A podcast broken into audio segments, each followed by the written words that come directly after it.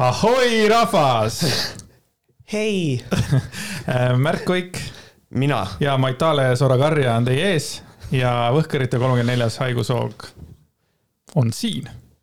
tervist kõigile uutele ja vanadele vaatajatele, oleme jälle siin, et rääkida väga tähtsatest teemadest, nagu näiteks äh, kuulsuste peretülid and so on. siukse, siukene noh. Neid kahjuks ja tuleb. jah, kuidas sulle see meeldib, et räme sügis on muidu? Mul kogu aeg käed külmetavad. käed? käed ja, ja ma olen kogu aeg, igal pool tegelikult on nagu soe, aga ma tunnen, et mul kogu aeg nagu käed on külmad. aa, okei okay.. isa, isa tuli koju, isa käed olid külmad. jah, isa ja ta hing.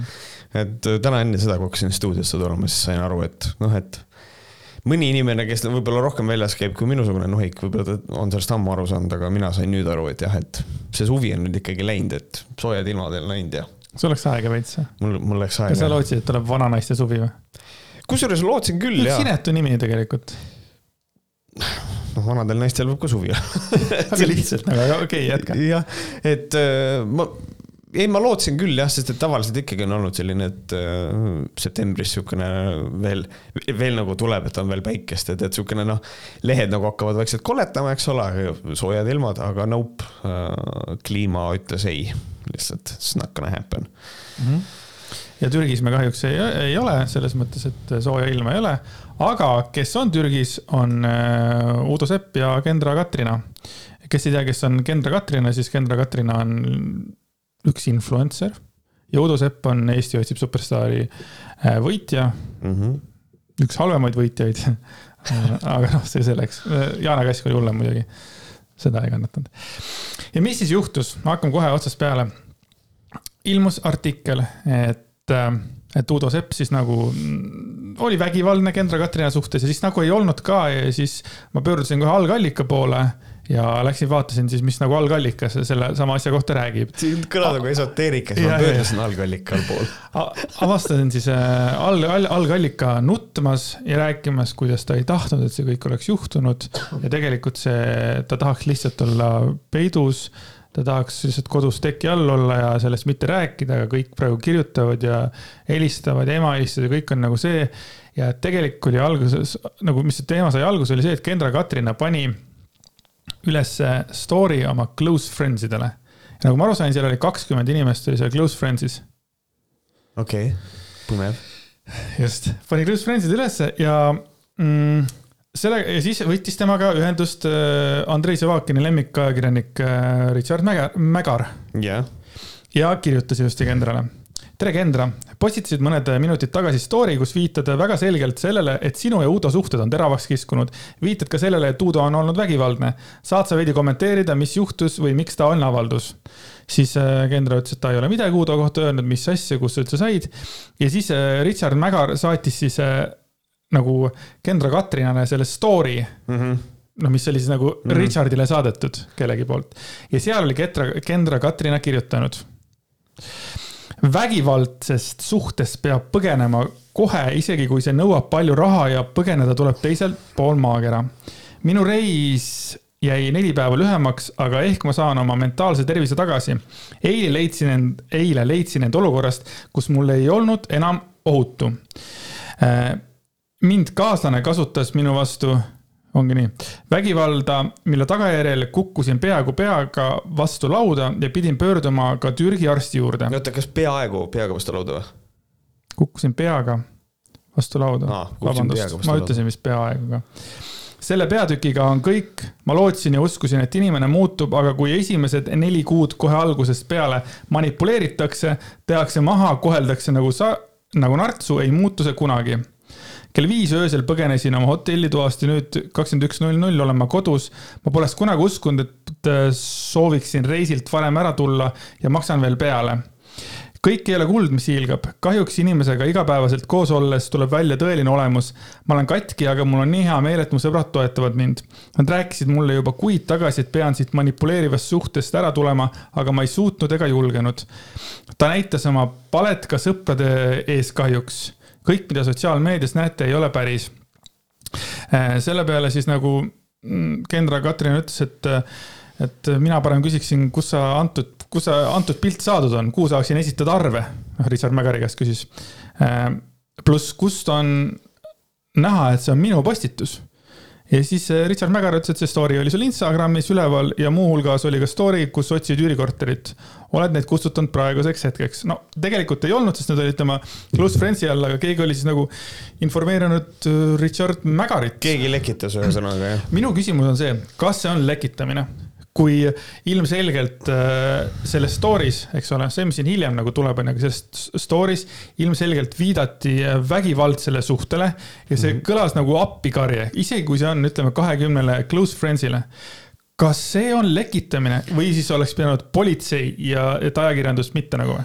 Äh, ei noh, ta on lekitamine ikkagi selle, selles mõttes, et kui influencer või sotsiaalmeedia kasutaja teeb äh, mingile ringkonnale äh, postituse ja see sellest ringkonnast välja läheb, siis see on lekitamine nii ehk nii. et see, kas see on õige või vale, et et, et see lekitati või et see läks politseisse või et see läks meediasse, see on nagu täiesti teine teema. et, et noh, minu point ongi lihtsalt see, et keegi lekitas okay. selle ajakirjandusse. et lekitamine ei ole sinu arvates nagu siis nagu halvasti võetud? ei, ei, lekitamine ei ole ilmtingimata halb asi. minu arvates on nagu veider on see, et äh, Kendra Katrina, kes nagu tegelikult äh, keegi ei olnud seda story't näinud ja lihtsalt see, et Richard Mägar saatis talle selle story, siis tegelikult ta jagas seda sama nagu, ma ei tea, kas ta ei mõelnud selle peale, et ta jagas seda, kui ta Richard Mägariga teksti jagas, ta jagas ju ka seda seda screenshot'i, mis Richard Mägar oli teinud mm, -hmm. mis on tegelikult kõik kolmkümmend kaheksa tuhat pluss siis need inimesed, kes seda jälgi, tegelikult nägid seda, mis nagu ta seal ütles ja see ei ole nagu mingisugune tee, noh, see ei ole nagu mingisugune naljaasi nagu, mida nagu välja kirjutada ükskõik mis hetkel nagu mm. -hmm, ja, ja mul tekivad teatavad kahtlused selle, selles mõttes võtan, võtan siis võib-olla sellise vastuolulisema positsiooni ma ei usu, ma ei usu üdini Kendrat, et ähm, selles mõttes, kui, kui tuleb äh, ilmselgelt, et ei jaa, see kõik vastas tõele, siis, siis äh, I, I'll own it, aga äh, ma ei usu seda, sellepärast mulle tundub hästi veider see, et see lasti äh, sõpruskonnale ligi või tähendab sõpruskonnale nagu see ainult ja siis, kui küsib meedia ja ilmselgelt on see, et see asi on meediasse lekkinud, siis selle asja eitamine tundub mulle üliveider. et mulle jätab see sellise mulje, minu esimene mõte on kohe see, et kas võib olla võimalik see, et nende vahel oli mingisugune tüli ja oli vajadus kuidagi jätta Uudost antud hetkel halvem mulje ja siis sõpruskonnals nii-öelda see kaev, noh nagu öelda, nii-öelda poisoning the well, et nagu see kaev ära mürgitada juba ette. et siis, kui Uudo jõuab nüüd tagasi, siis Uudo on nüüd see paha süüdi, kellest Kendra ära põgenes. et mulle tundub see mehhanism seal natukene selline, aga igaks juhuks ütlen ühe korra veel ma tegelikult ei tea seda, ma tegelikult ei tea ja ma ei saa see on ainult hüpotees, et selles mõttes. mind kohutavalt häirib nagu see, et kui selline asi on nagu õhku visatud, noh, et siis, et siis tõesti sa hakkad nagu siis nagu salgama ja hiljem sa räägid, et nagu ta Elu24-l rääkis, et äh, ta oli mu peale vihane, ütlesin, et palun räägime, ärme lähe tüliga lahku, ära jookse minema siit toast. siis ta tõukas mind eemale ja ma kukkusin peaga vastu lauda. see ei olnud niimoodi, et Uudo lõi mind Äh, siis nagu Kendra rääkis, aga sellest eelnevast story'st oli, oli nagu kõike muud välja lugeda, manipuleeriv suhe, neli kuud, vägivaldsest suust su,, suhtest tuleb põgeneda ja kõik need sellised asjad. et et, kas ja siis, ja siis muidugi see nutmine ka seal Instagramis selles mõttes, et ma tahan, et ma ei taha selle, sellega tegeleda, ma ei taha, et kõik kirjutavad mulle. ja siis on jälle see üks osa minust ütleb, et jah, aga sa jagasid seda, see on mm, -hmm. see on väga tõsine süüdistus või selles mõttes see on võib-olla süüdistusega, see on väga tõsine nagu mõtteavaldus, mida sa kirjutad ja nüüd kui shit hit the fan, siis on niimoodi, et jaa, ei, tegelikult ma ei taha, et keegi oleks pahane minu või Uudo peale, jah, aga sina lekitasid selle. kui see on tõsi, on ju siis see on väga õige, siis nagu own it ja ma oleksin, ma oleks tiim Kendra kohe automaatselt, seepärast et äh, mina usun ohvrit. aga kui nüüd hakkas jutt muutuma ja isegi need jutud ei lähe isegi omavahel kokku, sest et äh, Uudo omakorda ütles, et äh,, kuidas Uudo ütles, et mis siis ikkagi juhtus äh, ja siis äh, ei ole kordagi teda lükanud, Kendra hoidis minust kinni, tõmbasin oma käe ära ja selle tagajärjel ta kukkus, ütles Uudo. et isegi mm need jutud ei lähe kokku, onju. nojah, selles mõttes, aga siin ongi see, et nüüd ohver ja ründaja, ütleme, võtame siis need rollid, ohver ja ründaja näiteks, et noh, nende jutud tihtipeale ei klapigi, eks ole. Aga, aga selles mõttes Uudo selgitus on ka väga usutav, et noh, siin ongi nagu see, et noh, tegelikult lõppkokkuvõttes mina olengi selle positsioonil, et ma ei tea, mis seal tegelikult juhtus ja, aga mis mulle meeldib, on see, et Uudo ütles, et ma ei ole kunagi haiget tahtnud kellelegi teha, ma nägin, et ta kukkus ja kutsusin koheselt arsti. Äh, seda igaks juhuks arst kontrollis ja kõik oli hästi, aga kui ma ei eksi, siis Kendra ütles, et ta käis ise arsti juures. et nagu siin on noh, tegelikult kui nüüd ajakirjandus viitsib uurida, siis ta tegelikult võiks äh, selle äh, arsti käest küsida, et kuidas asi tegelikult oli, et nagu see on see, mis võib kindral selle paadi nagu katki tulistada, et noh, selles mõttes, kui, kui, mis tähendaks, et oleks vaja mingi Türgi, Türgi arst üles otsida ajakirjandusel. otsin ka just. aga et, äh, aga põhimõtteliselt see tähendaks küll seda, et noh, kui arsti käest küsida, et kuidas oli, kas teid kutsuti tuppa või see neiu kutsus teid või kuidas ja ta ütleb, et ei noh, see noor härra kutsus, siis on nagu jaiks, siis tuleb vale välja. et, et siin nagu selline olukord on, et. Äh, no see ongi juba valedel ongi juba need kihid nagu on väiksed pea mm., peal, et ma saan nagu väga hästi aru, miks sa nagu pigem kipud võib-olla siis nagu, sain aru, et sa pigem kipud, kipud nagu Udot uskuma, eks ole? Ehm, ma ma pigem, ma olen skeptiline jah jah, see vist tuleb niimoodi välja, et ma usun pigem Udot, ma usun seda, et seal ei olnud mingisugust otsest seda, et nüüd Udo lihtsalt lükkas ta vastu lauda. pluss seda enam ma ei saa sellest ka aru, et. aga neli kuud manipuleerimist ja kõik ahistusuhe ja et see. ma ei tea seda ma ei tea seda, see on, see on väide, võib-olla neil oli nüüd mingisugune väga rets tüli. ja, ja siis, et ongi, Kendra nüüd leidis, et võib-olla on aeg äh, lihtsalt kaev täis kusta, et, et nagu teha niimoodi, et Uudo on kogu aeg olnud halb, võib-olla ei ole olnud sinnamaani. aga täpselt samamoodi võib-olla räägib ta tõtt, et siin ongi see, et ma ei tea, et ma ei, ma ei, ma ei kipu kohe nagu mingisse paati hüppama. aga mis, mis mulle tekitas ka küsimuse, on nagu see, et et, et Uudo tõuk-, noh, Kendra ütleb, et Uudo tõukas, ta kukkus peaga vastu lauda, et see ei olnud niimoodi, et Uudo lõi mind. minu arust on hästi kummaline, et ta on need kaks asja kuidagi üksteisest eraldanud et kui, kui mul on nagu mingisugune osa, mis nagu Kendro juttu muudab minu jaoks usutavaks, siis on see, et tema jaoks on hästi oluline see, et Uudo ei löönud mind, aga ta lükkas mind ja ma kukkusin peaga vastu lauda. kui sa oleks täiega nagu noh, minu arust need on suht sama, kui ma lükkan sind ja sa kukud peaga vastu lauda või ma löön sind, sest need on minu jaoks natukene nagu üks ja sama asi.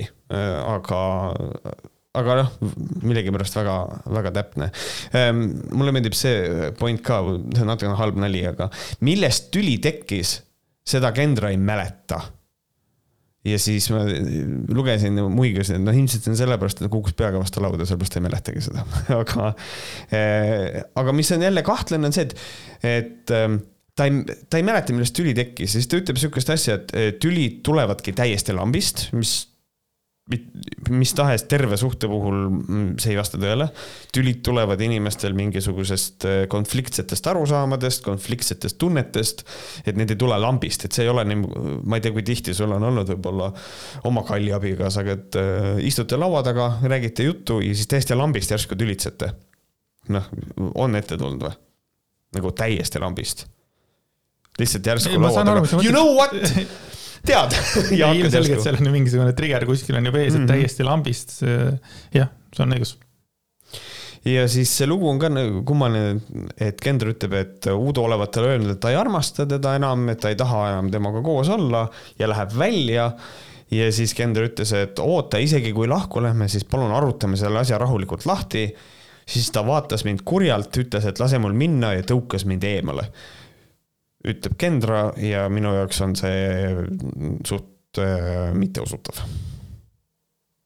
aga I don't really know, aga see tundub mulle hästi kummaline asi nagu millega Türgis tegeleda Türgis lahku minna. no jaa, aga ikkagi ma ütlen, esimeses story's oli kirjas ka see, et ta põgenes öösel kell viis ja igasugused sellised asjad, et see on nagu miks see esimene story sellisena nagu tuli, kas see on tõesti niimoodi, et tahtis nagu, nagu sa ütlesid, kõigepealt seal täis kusta või kohe nagu, et kõik arvaksid Uudost halvasti ja siis kas ta mm. tõesti ei arvestanud sellega, et selline asi võib nagu lekkida.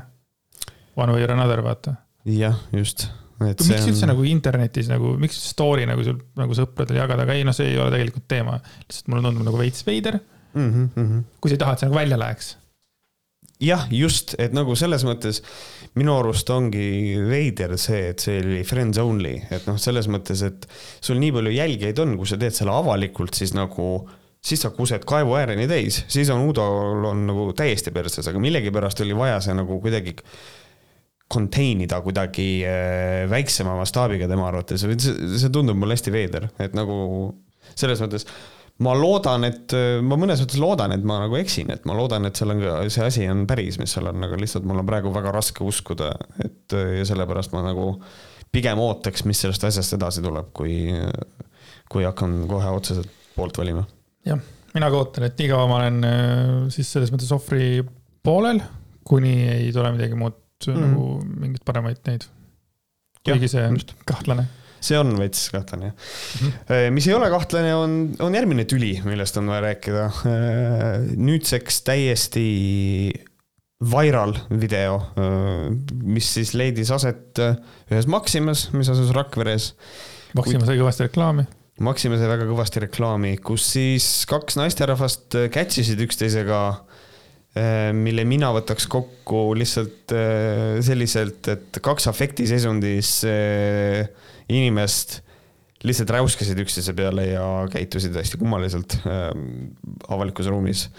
et äh, mis see sinu, ma igaks juhuks küsin, et mis nagu emotsioone see sinus tekitas? Äh, see tekitas minus äh, hästi palju ebamugavust äh,, aga üldises plaanis äh, issand jumal, pigem ma olin nagu hästi pettunud, et, et on langetud nagu nii madalale, et ma ei tea, ma olin nagu, ma seda vaadates mõtlesin, et ähm, noh, selles mõttes ma ütlen oma seisukoha siis ära, et minu arust see maski kandev naisterahvas, äh, kui keegi arvab, äh, et noh, et mina olen ju maskide poolt ja, ja, ja vaktsiinide pooldaja, siis nagu minu arust selle maskiga naise käitumine oli täiesti debiilne ja, ja ma tegelikult ikkagi ei saa päris täpselt aru, miks oli vaja selline konflikt üles võtta, eriti võttes äh, arvesse kogu seda videot, et ta käis sellel naisel veel järel, et ta hoidis seda probleemi kogu aeg üleval, ta tegeles sellega väga aktiivselt, et natukene minu jaoks hästi ebameeldiv. aga teisalt Äh, ma hakkasin mõtlema siis äh, Veiko Uuse peale ja ma hakkasin mõtlema Varro Vooglaiu peale. et noh, nemad on nagu need mehed meie ühiskonnas, kes ütlevad seda, et kui, et noh, kõrgeima võimukandja on ju rahvas et kui, äh, et ühel hetkel, kas ma saan nagu aru niimoodi, et noh, rahvas peakski vastu hakkama ja näitama oma, oma, oma seisukohta ja ja seisma oma õiguste eest ja siis, kui seda teeb äh, nii-öelda siis mingis teises nagu võtmes inimene, kes on mask, kes tahab, et inimesed kannaksid maski, üles tõuseb, no siis ta on kohe igasugune vastik inimene ja nii edasi. ja see, kes maski ei kanna, see on ohver, sest et tema seisis enda õiguste eest, et noh, see on jälle ilus äh, näide nagu sellest, mismoodi see, mis me ütleme ja see, mis me tahame, et inimesed teeksid, on okei okay, täpselt nii kaua, kuni meie inimesed seda teevad.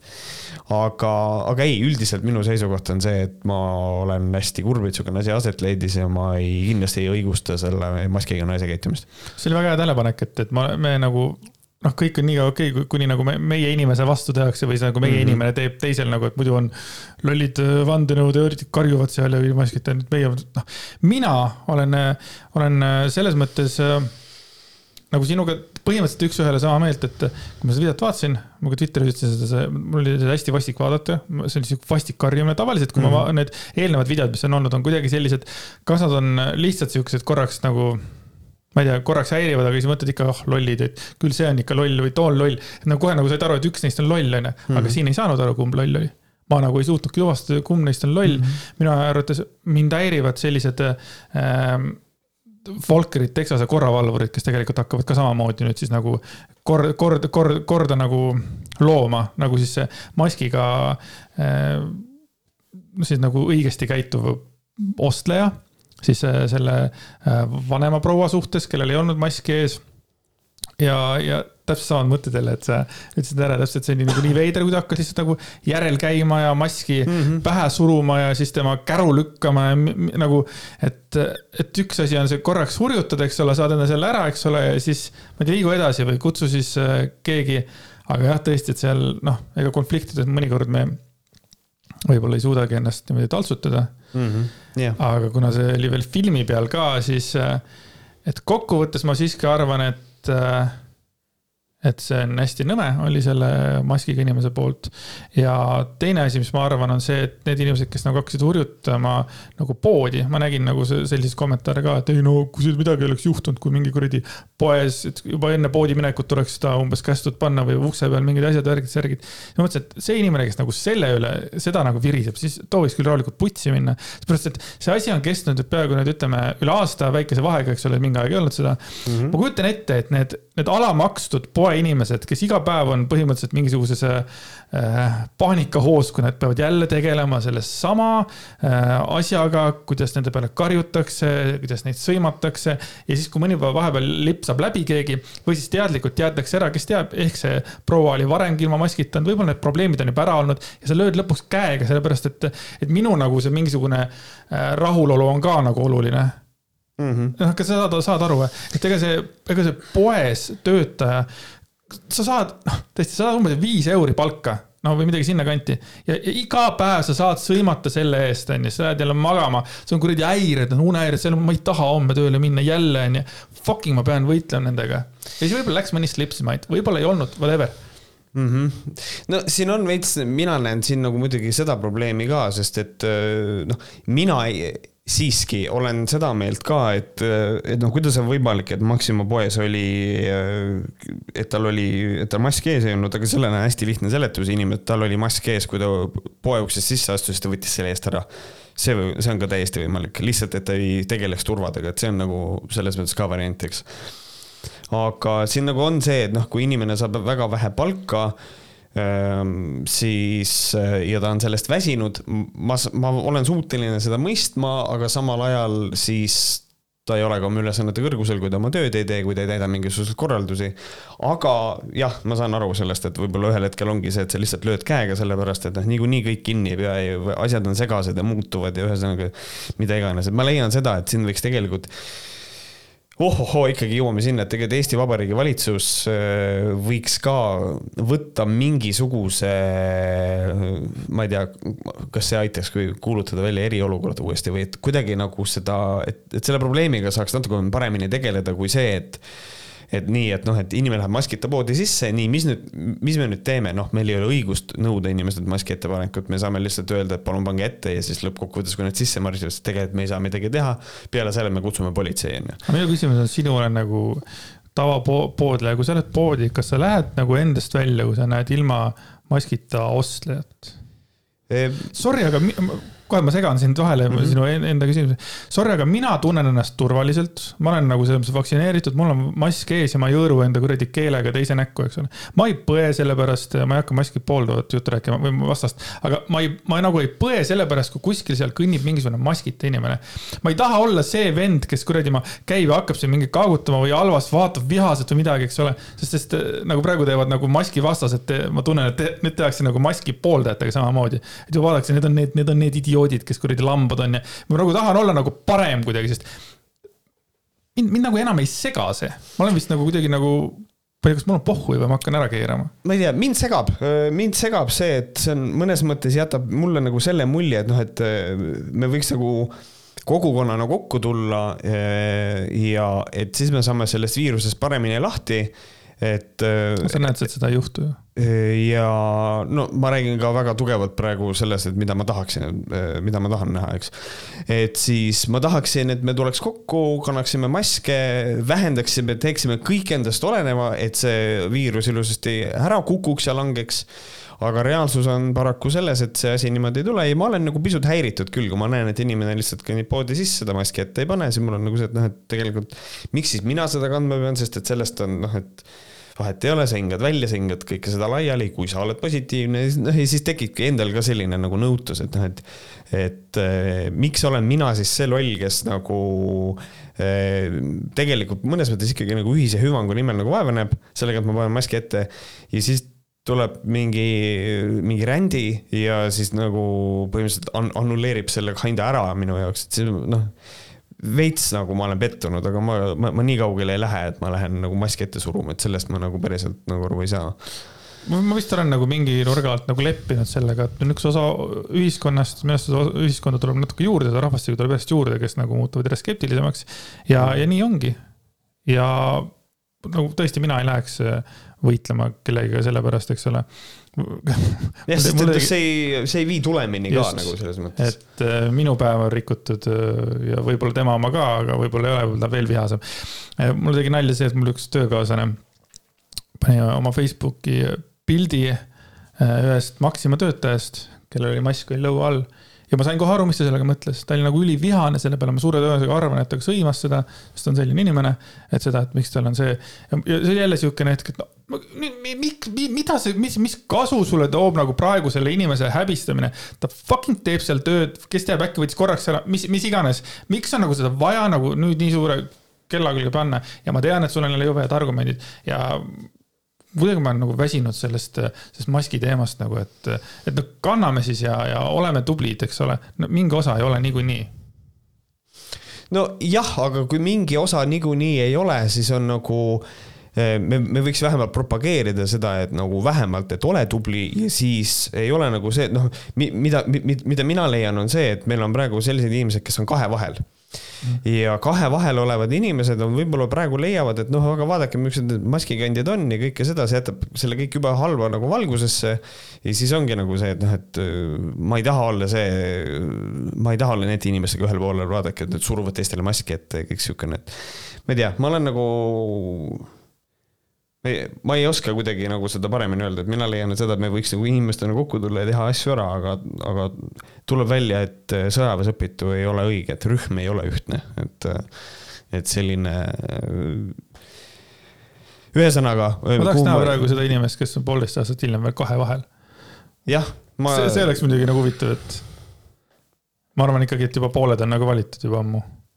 võimalik jah, täitsa võimalik.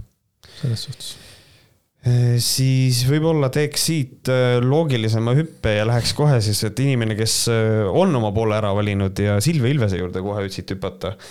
Ähm, Silvia Ilves siis tegi järjekordse Facebooki postituse, see on, see on, see on, see on, see on tore, et Facebook olemas on, siis meil on nagu seda saadet muidu ei oleks.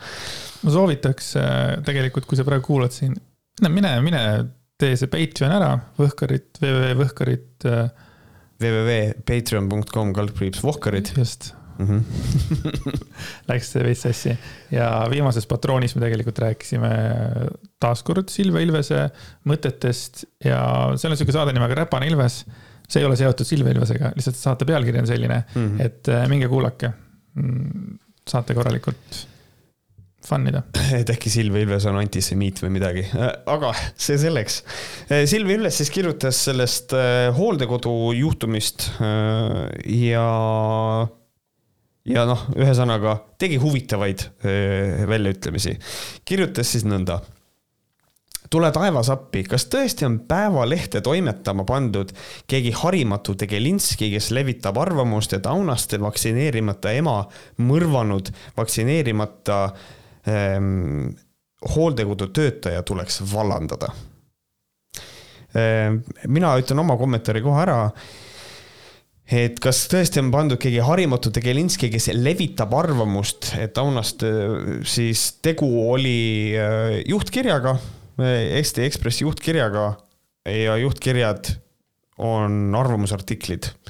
Äh, tegu oli arvamusartikliga ja arvamusartikli eesmärk ongi anda autorile oma arvamus. ehk siis ma päris täpselt ei saa aru, miks, miks ta nimetab seda, et on pandud, kes levitab arvamust, no jah, see on arvamusartikli eesmärk, kuid arvamuse kritiseerimine on okei okay,, nii et ma arvan, et nüüd me võime edasi minna, on sul lisada midagi? Et mina nagu lisaks võib-olla juurde veel siukse asja ka, et ta kasutab siin, et Aunaste vaktsineerimata ema on mõrvatud siis tegelikult mõrvamisest seesama artikkel tegelikult ei räägi, millele ta viitab, mis äh, ma kasutan siinkohal jälle seda terminit, et üritatakse kaevu mürgitada, ehk siis äh, ta jät-, ütleb ette ära siukse asja, et no annab mõista, et räägitakse mõrvast, kuigi artikkel seda ei teinud, aga see paneb kogu artikli kohe negatiivsemasse valgusesse siis oma jälgijate jaoks.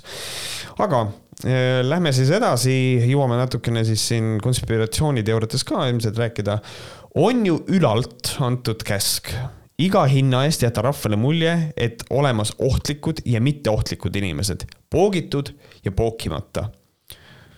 Minu lemmik on ikka see, et ülalt et see on see vana hea, kuskil on mingisugune nähtamatu ülalt, mis annab meile nagu äh, käskusid mm. -hmm. aga keegi kunagi ei ütle, kes täpselt see on ah,, öeldakse küll, on mingisugused inimesed, kes räägivad mingi Rockefelleritest. Roger, Rockefellerid ja kõik need ja. ja Bill Gates'id ja niimoodi värgid, aga ikkagi see, et on antud ülalt käsk just ikkagi viidatakse kogu aeg sellele mm. -hmm. teame seejuures aga kõik, et nii vaksitud kui ka vaksimata inimesed nakatavad ühesuguselt, kuid siis järsku vajalikuks kallutamiseks pigistame selle reaalse fakti siinkohal kinni. ma ei teagi, kust nüüd alustada, et ikkagi ütleme siis ühe korra veel, mida on juba sada korda öeldud, kui inimene on vaktsineeritud, siis tema nakatumise tõenäosus on väiksem. kui nakatumise tõenäosus on väiksem siis see tähendab seda, et viiruse levik on ka seeläbi väiksem kui nakat-, sest et nakatunud inimene saab anda viirust edasi, aga kui ta ei nakatu, siis ta ei anna seda edasi. ehk siis selles mõttes on vaktsineeritud äh, inimese, on nagu selles mõttes natukene parem olla. sa oled äh, kinni makstud liberast ja, sest äh, Silvia ütles, et see on reaalne fakt. jah, just et äh, ära unustada ära just, ma ei, ma ei ole Esse saadet järgi vaadanud, kus Silvia Ilves oli, kas sa oled vaadanud või? Mm, jah. Oled vaadanud, kas, kas nad rääkisid seal ka vaktsineerimisest? Mm,? mis mulle jäi meelde, see, et Silvia Ilves äh, rääkis kogu aeg hästi palju vahele Kertu Jänesele, sest ta oli Kertu Jänesega põhimõtteliselt nagu ühte, ühel nõul kogu aeg ja mind häiris see nagu see kaagutamine pealega ja, ja, ja, ja okay.. aga ei, mina ei tea, on hullemaidki saateid olnud temaga, ma arvan. Mm. -hmm ja siis lähme edasi, postitus jätkub. üheksakümne nelja aastase nüüdseks lahkunud ema hooldekodusse eh, viimseid elupäevi veetma viinud Aunaste räuskamine hooldekodu töötajat surmas süüdistamises on lihtsalt piinlik. ma tahaks sellega teha kohe, mina kui Aunaste fänn tegelikult ta ei viinud äh, oma ema viimaseid elupäevi sinna veetma, vaid Aunaste läks, Aunaste kogu aeg hooldas oma ema, aga ta läks nagu mingiks äh, ajaks kodust ära ja ta leidis õnneks sellise võimaluse, kus tal on võimalik nii kaua ema nagu hoida, et kui ta on nagu noh, oma kodust kaugemal, siis ema on ilusasti hoitud, mis tähendab, et tegelikult ta viis oma ema korraks nagu mingiks ajaks, ma ei mäleta, kas see oli nädalast või kahest, aga me rääkisime lühikesest ajast. Just, et, et noh, et oh my god, fake news, äh, ühesõnaga mm. mm. -hmm ma ei tea, ma, et Aunaste räuskamine töötajat surmas süüdistamises on lihtsalt piinlik, et ma tegelikult siinkohal ikkagi ütleks seda, et ähm, terviseamet tegi kindlaks, et noh, et töötaja ei teinud, äh, ei noh, ei eiranud meelega mitte mingisuguseid, mingit pahatahtlikku asja sealt nagu ei, ei suudetud tuvastada aga võiks vähemalt nii palju vastu tulla, et Mai Raunastest nagu selles mõttes aru saada, et ta viis oma ema ajutiselt äh, hooldekodusse. ja ta sai sealt töötajalt nakkuse ja suri ära, ma arvan, et Mai Raunastel on õigus olla natukene pahane ikkagi no ma isegi ei ütleks, et Aunaste räuskas, Aunaste kirjutas või siis ma ei tea, kes see kirjutas selle artikli, kus ta nagu rääkis sellest, et ta rääkis minu arust väga normaalselt ja ta on just nagu, ta ema just suri ära mm. -hmm ja nüüd Silvia Ilves võtab nagu selle õiguse, et hakata süüdistama Maire Aunatest, Aunastet räuskamises nagu, et ta ema suri ära, Silvia mm. -hmm võib-olla see ei ole oluline, sest et ta ema oli ikka üheksakümne nelja aastane, vaata, et. jah, siit kumab see ka läbi, noh, natukene, noh, ta on juba üheksakümmend neli, noh, see on see vana hea eh, kuidagi nagu, et noh, ta on nii vana, ta niikuinii varsti oleks ära surnud ja nagu selle asja peale mängimine, et. et sellise asjaga on hästi keeruline tegelikult piiri tõmmata, sellepärast et noh, et selles mõttes me kõik sureme kunagi ära, ehk siis. ma, me võime sedasama põhimõtet laiendada ka kuueaastaste laste peale, et noh, ta oleks niikuinii ju tegelikult ära surnud lõpuks, et noh, et nüüd on lihtsalt, on nüüd nii. ma ikka mõtlen selle peale, et ema on ju ema, et et. Äh, just, täpselt, et vahet ei ole, kas vaata. ja me ei pea ju hakkama võrdlema tegelikult, et kas mingi noore lapse surm või vanema mm. inimese surm, aga ta on kellegi ema. armastas teda, hoolitses temast ja nii edasi. et noh, et empaatiavõimet kui sellist nagu tegelikult Null. ei ole absoluutselt jah eh, kas mitte vanadekodud peaks olema esmajoones läbi käidud süstiaktsiooniga, ehm, kui seal nii suur kaitse viiruse vastu on? täiesti ebavajalik kommentaar praegu miks raisatakse rahasid laste vaksimise propageerimisele, kui meil on, nagu näeme, reaalselt nõrga eh, tervisega vanuritest kubisevate hooldekodude elanikud süstimata või mida siin kardetakse? siin kardetakse seda, et eh, äkki nendel nõrgemate tervist, nõrgema tervisega vanematel inimestel äkki neid ei saa vaktsineerida mingisugustel põhjustel ka. Äh, aga selle peale Silvi. no pluss ega ikkagi mina võtan seda nagu rünnakuna, mina lugesin seda niimoodi, et nõrva ter-, nõrga tervisega vanurites kubisevate hooldekodu ja kõik see selline see sõnakasutus, et äh, ma ei tea, kas see on nagu okei okay. mm. -hmm on ju teada, et surid kolm kõrges vanuses, ent siiski mhm. vaktsineerimata vanakest, sealhulgas Aunast ema, kes vaksimata töötajaid süüdistab. et noh, siin on jälle see, et on vaja ära mainida kõrge vanus mm. -hmm. mm ei ole vaja tulla õigustama, et vaat just neid, vaat just neid vanureid polnud võimalik süstida tervislikel põhjustel. kus on need bussid, mis kooli, mis kooli asjade ees voorivad ja lapsi süsti otsa kutsuvad? Hooldekodudes on palju elanikke, kellel pole enam jalgu all, sõitke bussidega hooldekodudele süst-, süstaldega külla. meil on terve hulk suur noori ja lapsi, kes end muudel tervislikel põhjustel süstida lihtsalt ei tohi, kindel terviserike, halvimal juhul surm, kuid siin erandeid pole olemas.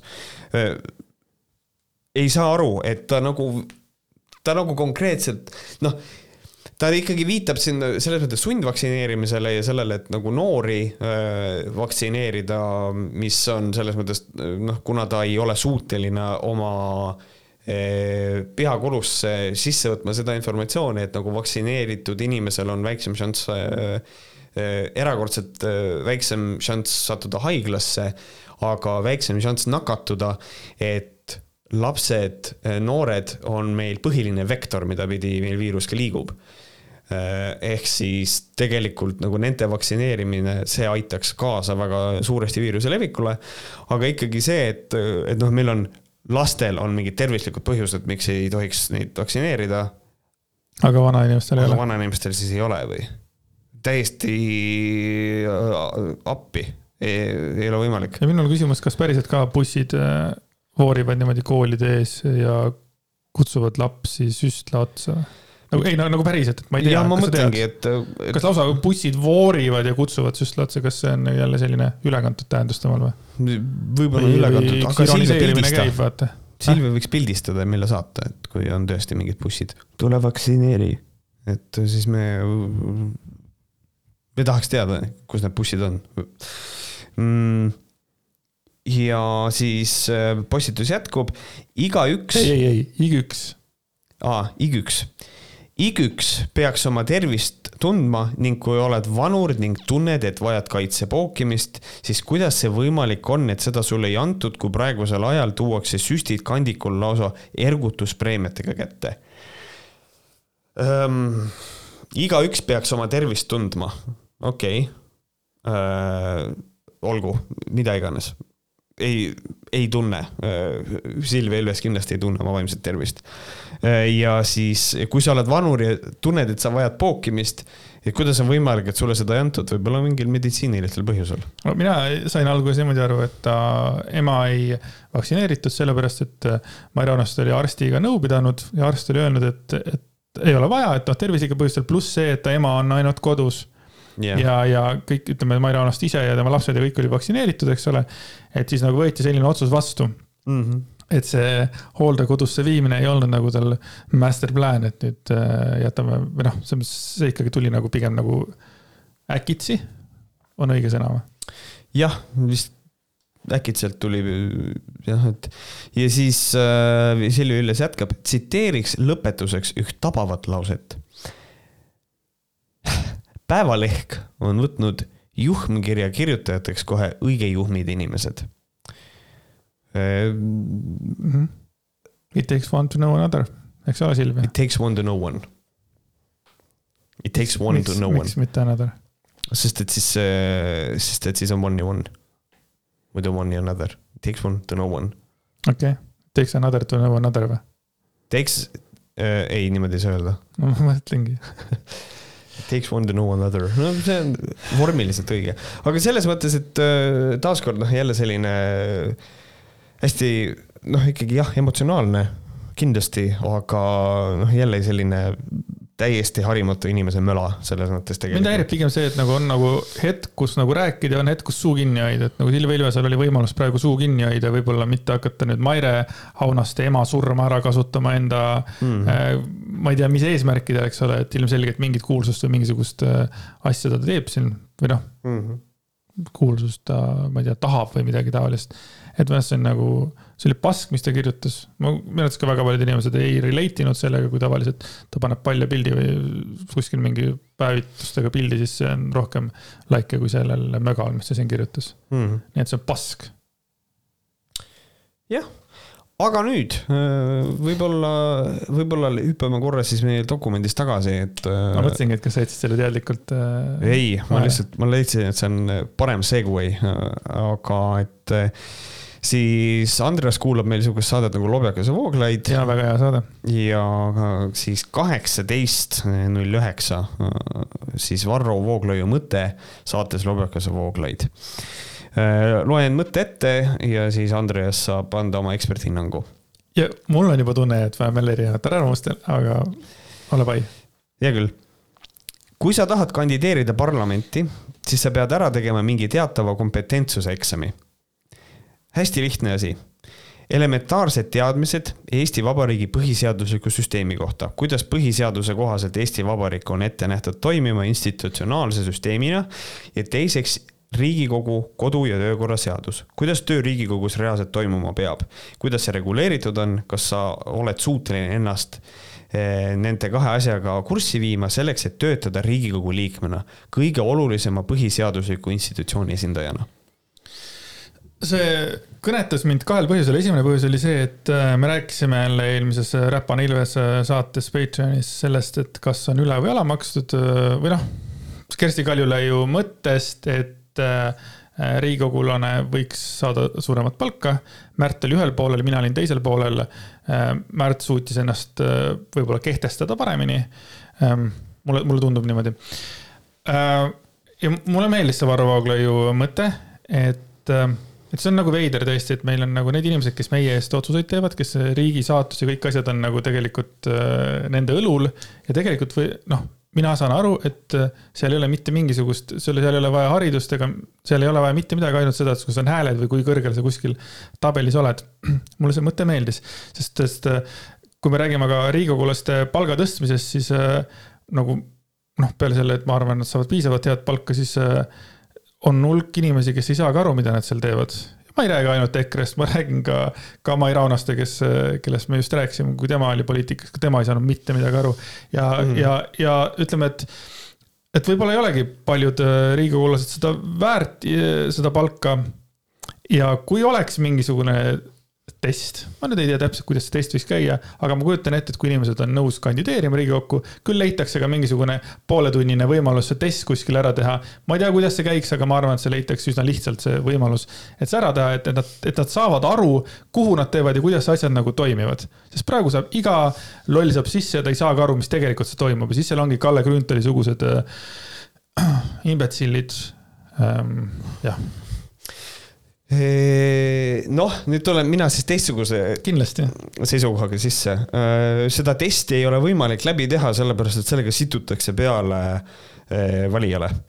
sellepärast, et põhimõtteliselt, kui me teeme, isegi võtame niimoodi, et me mm, teeme mm, selle testi enne, enne, ütleme, et enne, mis mm. siis saab, kui mitte ükski kandideeriv inimene ei vasta nõuetele, mis siis tehakse no.? Sel juhul see test tuleks teha ikkagi selles mõttes nagu elementaarne, et ta ei oleks mingisugune mingi kõrge matemaatika. no jaa. aga kui keegi ei vasta, mis me teeme? no sa lähed kohe kuidagi väga äärmusesse. no jaa, aga me peame arvestama selle aga šansiga. me võiks arvestada sellega, et nagu siis mingisugune sihuke kesktee, minu pärast kasvõi sellesama Riigikogu poolt kokku pandud või mingisugune selline asi mm. -hmm. aga mis siis saab, kui mitte keegi ei vasta testile hm.? sest siis nad on ikka tõeliselt lollid siis nad on tõeliselt lollid, aga mis me siis teeme valimistega? sest et siis me jõuame sellesse positsiooni, et me ei, meil ei ole kandidaate, me ei saa valida enam. meil ei ole mitte kellegi vahel valida. et selles mõttes, et mina leian, et meie praegune süsteem ongi just nimelt üles ehitatud sellele, et hmm. täpselt nii loll, kui on valija, siis nii lollid inimesed me saame ka Riigikokku. Jesus fuck ehk siis selle eesmärk ongi puhtalt see, et kui meil on inimesed, kes ütlevad nii, kui on must, näita ust raisk ja äh, me alandame kõiki makse ja tõstame kõiki palkasid ja ma, kõigi palgad lähevad neljakordseks ja inimesed on jaa. ja siis nad valivad need inimesed ära ja siis, kui nad on seal kohapeal koos, siis nad ei saa seda teha, sellepärast et need asjad ei käi nii kergesti. ja siis valija teab, et noh, järgmine kord ma neid ei vali, sellepärast et nad ei saa mu tööga hakkama. see on nii veider selles mõttes, et sina oled nõus, et äh, riigikogulase palk peaks olema kõrge, aga samas mm -hmm. sa alahindad äh, neid, äh, kes äh, võivad osutuda valituks ja ütled, et, et noh riigikogus on täpselt need inimesed, kui loll on rahvas, onju. aga päris see nii ka ei ole, seal on ka need, kes ei saa häälte järgi sisse, vaid saavad ka mingi nimekirjadega sisse, et ega mm -hmm. Ruuben Kaalep ei saanud väga palju hääli mm, -hmm. hääli, eks ole, näiteks see on omaette teema, et selle süsteemi täpselt samamoodi võiks teha minu arust ümber, et, et ikkagi, et nii-öelda rahvas valib konkreetsed inimesed konkreetsele kohale sinna, eks ole et äh, see on nagu, et see on. mina nagu usun, et teha mingisugune test, mis oleks nagu ikkagi piisav, äh, nagu piisav, et ära nüüd mõtle nüüd, ära mõtle ainult nii negatiivselt, vaid ikkagi see on mingisugune selline elementaarne, et nagu ühest klassist teise saaks, mingisugune ka arusaam, mis tegelikult nagu toimub või mis asi see Riigikogu, mis asi see seadus ja kõik need asjad on, vaata. no siis mina ütlen Varro Vooglaiule, et ma olen täiesti kindel, et kõik praegused parlamendiliikmed teevad selle testi läbi ma keeldun totaalselt uskumast, et äh, üks asi. olekski naljakas, Lobjakas ütleski, et no siis äh, noh, EKRE ei olekski saanud sisse, et selles mõttes, et no, no, ta nagu torkas, vaata, aga Varro ei allunud provokatsioonile. no tubli on selle koha pealt, et noh, et tegelikult ma arvan, üks asi on, ma tooksin võrdluseks üks asja nagu autokool äh, me oleme, tahtsin öelda, me oleme kõik, kõik ei ole, aga need, kes on autokoolis käinud, teavad väga hästi, et on väga suur vahe sellel, mida Äh, autokool õpetab, kuidas liikluses sõita ja kuidas inimesed tegelikult liikluses sõidavad mm. -hmm. et ma kujutan ette, et see transleerub siia tegelikult selles mõttes ümber, et ma tean, kuidas mingid asjad töötavad aga kohapeal olles eh, mingid asjad on teistmoodi, et noh, et eh, ei ole nagu viisakas möliseda Riigikogu saalis. Aga EKRE möliseb seal. aga mulle, mulle jääb nii arusaamatuks lihtsalt see, et kõige olulisem koht nagu siin tegelikult riigis nagu, nagu nad üritavad selgitada, onju ja siin ei ole tegelikult mitte mingisugust nagu äh, sõela välja arvatud siis see, kas sa meeldid inimesele või mitte. see on, see on, mitte ükski töökoht ei võeta niimoodi, et sa pead olema ikkagi mingisuguse kompetentsiga. Ja see, ja mm -hmm. ma, ma, ma, sul on jälle väga head pointid ja ilmselgelt sa üllatasid mind, sa panid nii hea laksu ära, et kui, kui ei saaks, et jah, tõesti, sa tõusid jälle veel kaks grammi kõrgemale minu jaoks aga, aga ikkagi mul on see üks aga on ikkagi see, et see on nagu, veits nagu alahindad seda, et see võiks ikkagi olla nagu targad pead seal ju. ja kui sa ei saa isegi ühest väiksest testist läbi, kui näiteks ütleme enne, kui sa hakkad kandideerima, noh, siis sa ei olegi veel valmis selleks, õpid järg, järgmine aasta saad uuesti noh proovida nelja aasta pärast ehm.. See, miks on Riigikogu niisugune koht, kus iga ahv võib sisse astuda, ainult sellepärast, et ta on populaarne? sellepärast, et. kas sa ei tahaks, et oleks kõik kompetentsed või? no et kui kõik oleks, no aga samas, kui meil oleks kõik kompetentsed, siis me saaksime täpselt seda, mida tegelikult Varro Vooglaid tahab, me saaksime selle, et meie riiki valitsevad äh, äh, aristokraadid. ehk siis, kui meil tulevad äh, kui meil tulevad kuskilt sellisest, see tähendab seda, et selline kontingent, kus kohas inimene sünnib vaesesse perre, tal on äh, halvem ligipääs haridusele, tal on halvem ligipääs äh, huvitegevusele, siis need inimesed on põhimõtteliselt eos arvestatud maha sellest, et nad ei lähe poliitikasse et äh, aga neil on võimalus kohaliku tasandi pealt ikkagi poliitikasse sisse ronida, et ma leian, et äh, see Varro süsteem lõhuks selle nagu ära, et äh, Varro on seda kunagi ammu öelnud, ma ei tea, kas ta seda endiselt arvab, aga aristokraatia on tema eelistatud valitsemisvorm siis ma leian, et see on suhteliselt selline mõtlemine. ehk siis kõrgelt, kõrgemalt haritumad inimesed on need, kes valitsevad, aga probleem on selles, et kui sa oled väga intelligentne inimene, sa oled väga kõrgelt haritud, siis on ikkagi mingisugused privileegid, mille suhtes sa oled pime ja sa ei suuda kellegi teise inimesega arvestada. ehk siis nendest inimgruppidest peavad ka inimesed vähemalt kuidagi jõudma äh, mingi tasemeni. kuidas see väga palju siis nagu seda muudaks, seda, mis praegu on, samamoodi võetakse vastu, otsuseid võtavad vastu inimesed, kes ongi ju kõrgemal positsioonil? no jaa, aga kuskohast nad tulevad, ma räägin sellest praegu, et, et kui meil on ainult see, et on äh, kõrgemalt haritumad inimesed, äh, kes on nagu targemalt suutnud üksi pulgi selle kõik. Need, saad aru, point ei olegi, et ta peab olema mingi üli, mingi, ma ei tea, mis täppist teas, vaid mingisugune asi, no mõelge, mõelge välja, see on praegu lihtsalt praegune mõte, mis on välja visatud see ei pea olema mingi nii, et nüüd on kõik ainult aristokraadid, ainult kõrgetest, ainult referist saavad mm.. et ära, ära minegi sellega nagu, nüüd sa lähed nii äärmusesse, et noh. Tule mulle nüüd, tule mulle nüüd kuskile vastu kuhugile no Kas ma, tule, ma olen nõus sulle nii palju vastu tulema, et sellisel juhul kõik praegu, kes erakonna, kõik praegu, kes Riigikogus on, teeksid selle testi ära. no kindlasti paljud ei teeks. You don't know that, et nagu ma arvan, et kui see test tuleks, siis, siis teeks selle ära, nad selle testi, ma arvan et äh, siis me peaksime nagu üksipulgi lahti mõtestama, et mis on Riigikogu, mis on Riigikogu liikme mingisugune tase, millele ta peab vastama, siis me peaksime selle testi välja töötama ja nii edasi, et ma kujutan ette. mulle meeldib see, et Riigikoguga on meil äh, alati erinevad arvamused, algas sellega, kui me vaidlesime selle üle, äh, mitu liiget peab olema Riigikogus mm. -hmm. see oli ühtepidi, see on palkadega, nüüd on haridusega. et väga huvitav jah, see, see on, mul oli mingi mõte veel, aga see läks igaveseks ära kuskile. just, sest ma segasin, sest et ma ei taha, et sa liiga tark oled. jah, võib-olla küll. aga nüüd me saame oma tarkust äh, panna proovile. ja me taaskord, väikene shout-out Patreoni osale, oli hea osa, nii palju asju mm. -hmm. me hakkasime, ma mõtlesin, et võiks niimoodi lihtsalt ennustada, palju saab äh, inimene hääli, kes nagu siis, keda valitakse siis KOV valimistel, mis tulevad juba varsti, oktoobris ja seal me siis pakkusime, kes Edgar Savisaarele hääli ja nii edasi. ja nüüd me jätkame siis, kui eelmine kord oli Tallinn, mm, siis seekord võtame Tartu linn ja ma võtsin niisugune umbes kümme inimest, et pakume neile siis, mitu häält nad saavad. mitu häält nad saavad, pakume, nii, Reformierakonnas Urmas Klaas mm. -hmm. kas nüüd on sinu kord alustada? minu kord alustada. eelmine kord alustasin mina, jah. Urmas Klaas ähm, on olnud viimased kuuskümmend viis aastat Tal-, Tartus linnapea. Urmas Kruuse oli ka eelnevad kuuskümmend viis aastat, enne seda oli Laine Enes kuuskümmend viis aastat, et. ja, ja, et see on niisugune pikk. mingi kümneaastaste mingi intervallidega möödas käivad nad mm. -hmm. vist küll jah, et. enam-vähem. et Urmas Klaas on nüüd olnud pikka aega, ma arvan, et äh, populaarne ta on. ma pakun, et ta saab neli tuhat viissada häält. Nice, väga hea pakkumine. ma pakun kuus tuhat. kuus tuhat? jah nii, see on siis äh, Reformierakonna esinumber siis Tartus. nii, Keskerakonnast. Jaan Toots. Jaan Toots. Keskerakond, Tartu, ma mm,, ma tahan öelda, et ta saab seitsesada viiskümmend. ma tahan öelda, et ta saab äh, tuhat üks. tuhat üks, see oleks nüüd üliäge, et kui nüüd see päris arv tuleb, siis äh, see on, selle ühega sina võidad. See, see oleks väga äge yeah.. nii, Tõnis võidab Lukas. siis see, kes saab lähemale. just, Tõnis Lukas. Isamaa esinumber, kes oli äh, seitseteist Isamaa Tart-, oota, kaks tuhat seitseteist Isamaad ei olnud, siis oli IRL. ja IRL-is oli tol ajal Riisalu, kes tahtis saada linnapeaks, ma mäletan. ta sai tere, Taiu ei saanud ju tuhat häält täis ju. okei okay,, ma panen, et äh, Tõnis Lukas saab, samas ta on, ta on, ta on nii tuntud nimi, ma panin Jaan Tootsile seitsesada viiskümmend, ütleme, et Tõnis Lukas võib isegi kaheksasada saada. tead äh,, ma olen kogu aeg nagu äh, raiunud Isamaa, et kes hääletab Isamaa poolt, aga Isamaa nimekirjad on üsna tugevad. et arvestades sellega, millist sitta nad tegelikult teevad kogu aeg, siis nimesid neil nagu on.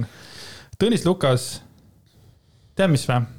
Ma muudan ära Jaan Toots, ma panen Jaan Toots viissada üks ma panen Tõnis Lukasele tuhat üks. ma usun, et ta on populaarsem kui äh, Jaan Toots. Mm, väga hea mõte, nii ja siis on. sotsides ma leidsin nime Maarjo Raitar. Maarjo Raitar sotsides, et, et ei oleks huvide konflikti kuskilt salaja, siis Maarjo Raitar on väga tihti minu Youtube'i laivide chat ides, ta on lööb kaasa Discordis, et ta on mul põhimõtteliselt eh, nii, niivõrd-kuivõrd nagu tuttav inimene. sellepärast ongi eh, hea pakkuda. ja siis with all due respect, Mario, palun ära vihka mind, aga sotside nimekirjas perse küll, see on, see, see on karm, aga ma panen rohkelt, ma panen, et viiskümmend. ma panen viiskümmend kolm, ma mõtlesin viiekümne kolme peale viiskümmend kolm, selge. nii, Eestimaa Rohelised, Johanna-Maria Tõugu. Eestimaa Rohelised, mõtlen, et olen nende vastu väga hea, äh, sõbralik. panen rohkelt hääli, ma pakun kakskümmend viis. Hmm. okei ma korra tahaks rohelisse puutuda, on jälle see, et äh, mul, mulle nagu tegelikult rohelised meeldivad. kui, oleks nagu valida ainult erakonda äh,, siis ma valiks rohelised, aga noh, mina olen Ülenurmel, ma ei saa nagunii selles mõttes midagi valida. aga minu arust see hästi, see valik on hästi kuidagi minu jaoks nime, nimedevaene mm. -hmm. Johanna-Maria Tõuguga ma olen kokku puutunud ükskord. ja, ja samas ta on nagu praegu pildis.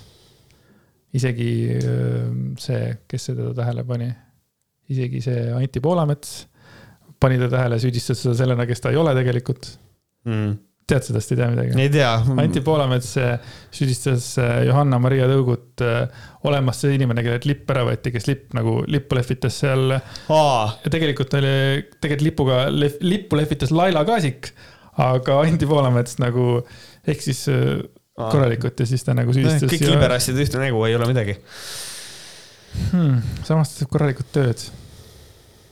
sada kaheksa. sada kaheksa nii, ja siis Eesti kakssada äh, ja kandidaat on väga tugev mm. -hmm. Kristina Kallas. ma arvan seda, et Kristina Kallas on ainukene, on ainukene, äh, ma loodan, et mul on õigus, ainukene, kes ületab tuhande piiri siit nimekirjast veel peale, peale Klaasi. peale Urmas Klaasi, kes ületab siin nelja tuhandet. ma arvan, et Kristjan Kallas, tuhat kakssada. ma panen kaks kilo. kaks kilo mm.? huvitav, mitu häält see on? kaks tuhat. ei, ma mõtlen, aa, kaks tuhat häält, ma mõtlesin kaks tuhat kilo hääli. et nagu neid sedeleid on nii palju äh,. hästi halb nali, lähme edasi nii, ja EKRE siis, ma võtsin kohe kolm tükki, Jaak Valge Jaak Valge on praegusel hetkel, ma kujutan ette, et ta on äh, selle, ta peaks olema ju EKRE põhimõtteliselt Tartu linna esinumber mm, -hmm. põhimõtteliselt Ongi. number üks. siis äh, äkki Jaak Valgel tuleb ära kaheksasada häält või? julge pakkumine see on julge pakkumine minu poolt, kaheksasada. Who knows mm,? Tõnis Lukas, ma arvan, on populaarsem, samas ta on EKRE Jaak Valge. paneme kaheksasada kuusteist. kuusteist, ma mõtlesin, et panen kaheksasada üks. Just to be mean. Ruuben Kaalep. jaa, kaks lemmikut on lõpus. Ruuben Kaalep on. ainukene mees, kes ei saa sisse Savoodi, aga lastakse Riigikogusse. just noh, sest Stavodil, Stavod, Savodil on äh, standardid. just. Ähm, Ruuben Kaalepi on sat-, sat-, sat-, sada. okei okay,, okei okay,, ma millegipärast arvan, et äkki on selliseid äh, huntsidega poisse killakate peadega rohkem. panen kolmsada kolmteist äkki on, äh, äkki on neid okei okay märgid ja need on ikkagi teda nagu tõstnud kõrgemale. kolmsada kolmteist. jah ja Malle Pärn on ka nüüd kandideerib, äh, fuck me. Ähm, Malle Pärn. Äh, ma olen nõus kaotama Malle Pärnaga. kaheksa ei ole, dude. ma olen nõus kaotama.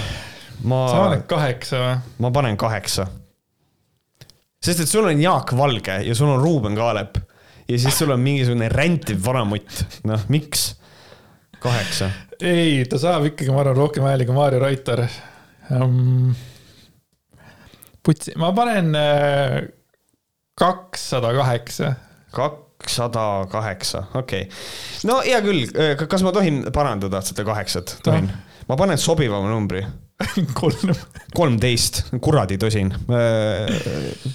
tõstan natukene, tulen natuke lähemale sulle, sulle selle arvuga. kuule vahva, ma ootan väga neid valimisi, et me saaksime hakata punkte kokku lööma ja vaatame siis, kes teab üldse midagi mingit häältesaagist või ei tea ühti jah, just, et võib-olla me ei tea mitte midagi. aga rääkides Malle Pärnast, siis juhuslikult on Malle Pärn ka Objektiivi, Objektiivi kolumnist ja ka ja. uute uudiste kolumnist. ja ta on kirjutanud väga vahva artikli Objektiivi kolmeteistkümnendal septembril ja artikli nimi on siis ma, ma lillesideme võtaks, sind köidaks sellega yeah,. ja väga, väga cute on ja hakkaks nagu äh, step by step seda siis hekseldama, vaatama äh,. ma olen siis äh, seekord ise lugeja. no. nii, hakkab pihta. kas on veel võimalik kujundada meie riigi kodanikest ühtset kogukonda? jah, see on raske küsimus aga iga vastutustundlik äh, poliitik peab sellele mõtlema, ta peab vähemalt soovima, et meil oleks ühtne kogukond. meil on ju inimestena tegelikult kõigil enam-vähem ühesugused eesmärgid ja soovid. Not true äh,, aga lähme edasi aga miskipärast me aina sõdime üksteise vastu, liigitame inimesed headeks ja pahadeks vastavalt sellele, kas nad on meiega nii-öelda samal pool, kas meil on samasugused mõtted ja suhtumised? kusjuures äh, mulle, see on väga julge Malle Pärnalt niimoodi välja tulla, et ta julgeb EKRE niimoodi eraldi kohe välja tuua. kohe alguses nagu, ta peab kohe alguses hakkima nagu EKRE-t nagu. et see on lihtsalt EKRE kohe ette ja otsustas lahmida. see on nii ma... huvitav tegelikult, ta on kohalikel valimistel on EKRE nimekirjas, aga ta just. juba nagu hakkab nagu lammutama, et. Võib-olla isegi tahab rohelistesse minna. et äh, on jah, veider, aga üks kummaline nähtus ilmnes siis, kui mingi grupp Tartus organiseeris tselluloositehase vastast meeleavaldust. üks korraldajatest Kristiina Ehin ütles, vaatasin hirmuga, kui siia tulin, et ega EKRE ei ole oma loosungitega kohale tulnud. no ei olnud, EKRE liikmeid oli küll, ka mina olin. ma ju ei teadnud, et see keelatud või vähemalt nii ebasoovitav oli, et organiseerijad selle eest lausa hirmu tundsid. mitte selle ees, et rahvast tuleb kohale vähe, vaid selle eest, et ei tuleks need inimesed, kes organiseerijatele ei meeldi. kes organiseerijatele ei meeldi. vot, vot see on ka huvitav, et ta kuidagi selle Kristiina Ehina, selle EKRE vastasuse ikkagi toob nagu välja ja siis kuidagi läheb nagu noh, et ta, ta vist siin kohapeal ikkagi viitab sellele, et noh, vaata EKRE meeleavaldustel on täpselt sama probleem. et noh, ma arvan, et äh, Kaarel Tarandi näide on sinuga, mitte ka.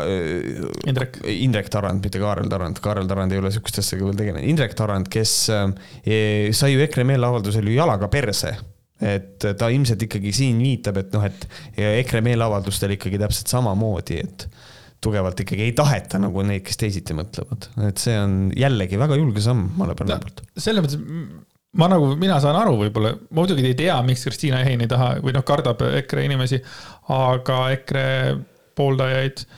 aga noh, näiteks Indrek Tarandi juht, EKRE pooldajad muutusid vägivaldseks näiteks ja, ja mhm. ilmselgelt EKRE pooldajatel on tekkinud mingisugune maine noh, vaadake videosid, mis on tehtud näiteks tõlv, tõrviku rongkäikudel, kus inimesed lihtsalt äh, sõimavad kõiki ja, ja, ja on nagu noh, mitte kõik inimesed, aga just need inimesed, kes on nagu tõmmatud sinna päevavalgele. võib-olla on meedia teinud EKRE valijatest äh, kolli, me ei tea seda, aga minu arvates on nagu, see on okei okay,, on ju, Kristiina Ehinal karta, kui on olnud erinevaid äh, äh juhtumeid, alustades lipu tõmbamisest ja, ja lõpetades jalaga perse saamisega, et mm -hmm. no ma ei tea nii äh,, ahah, see on siis siin äh,. miks kaotatakse põhimõtted ja keskendutakse isiklikele vastandumistele? meeleavaldusele tulevad inimesed, kes mõtlevad ühes konkreetses asjas ühtmoodi. mis tähtsus on sellel, kas nad kõiges muus ühel meelel on? miks pannakse inimesed karpidesse ja kleebitakse neile sildid peale? täpselt samamoodi. küsimus, jah uskumatu, et noh, et see on nii julge vastuhakk Malle Pärna poolt EKRE suunas. teine sihuke pikk siukene virutas jätkame. Äh, selline jaotamine omadeks ja võõrasteks sünnib isekate emotsioonide pinnalt. kellegi sageli ideoloogilise meedia poolt kujundatud eelarvamuse pinnalt.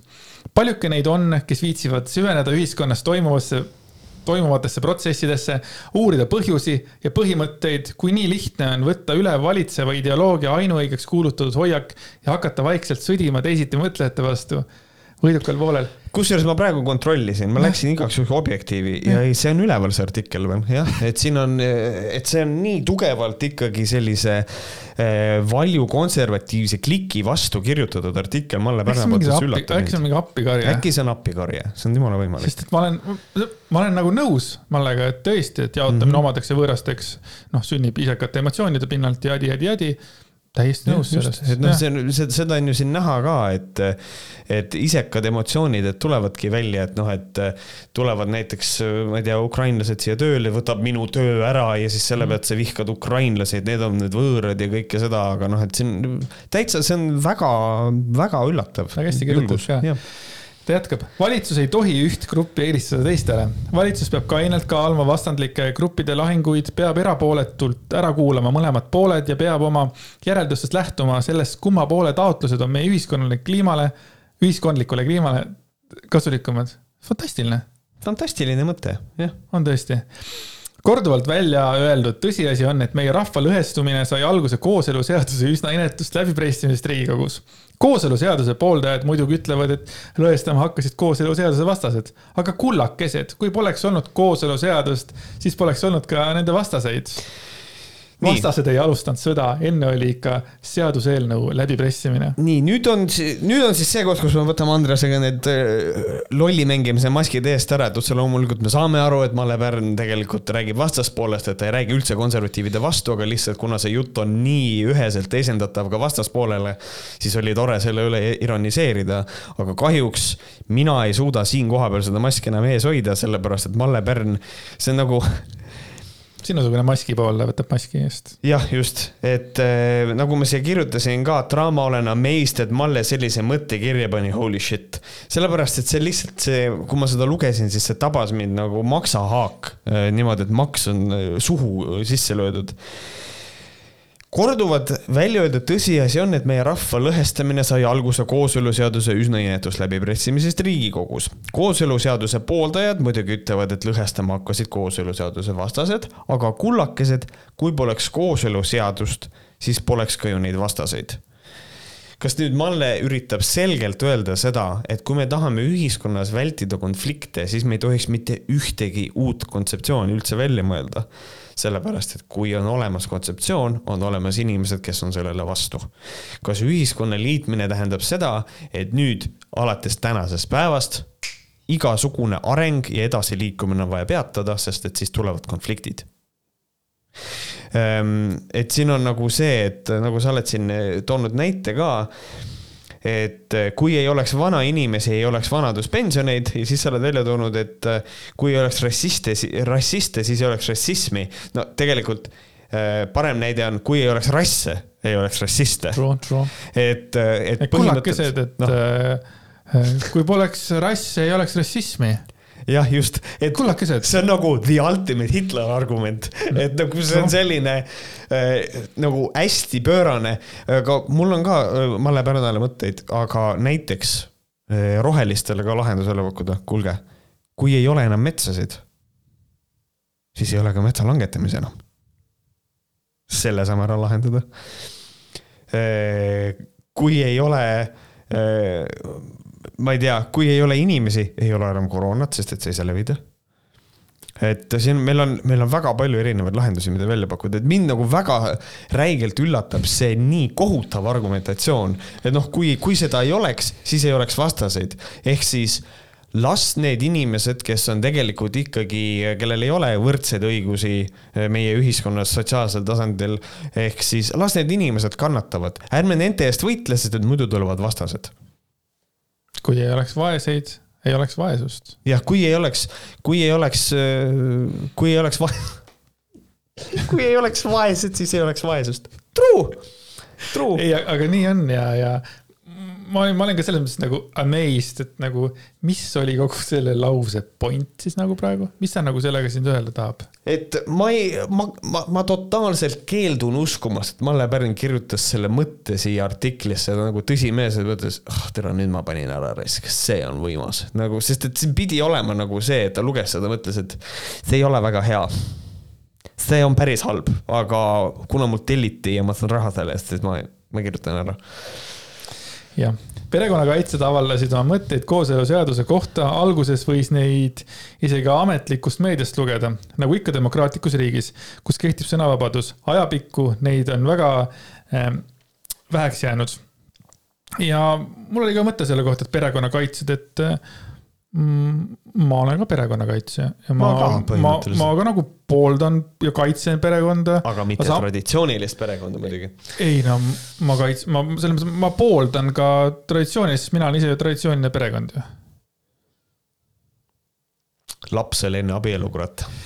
no jah, seda küll. ja lapsi on ainult üks minu, minu, minu probleem on lihtsalt selles, et miks ja me jälle sellest, miks me jälle sellest nagu räägime, selles mõttes, et, et keegi ei võta kellelgi midagi ära.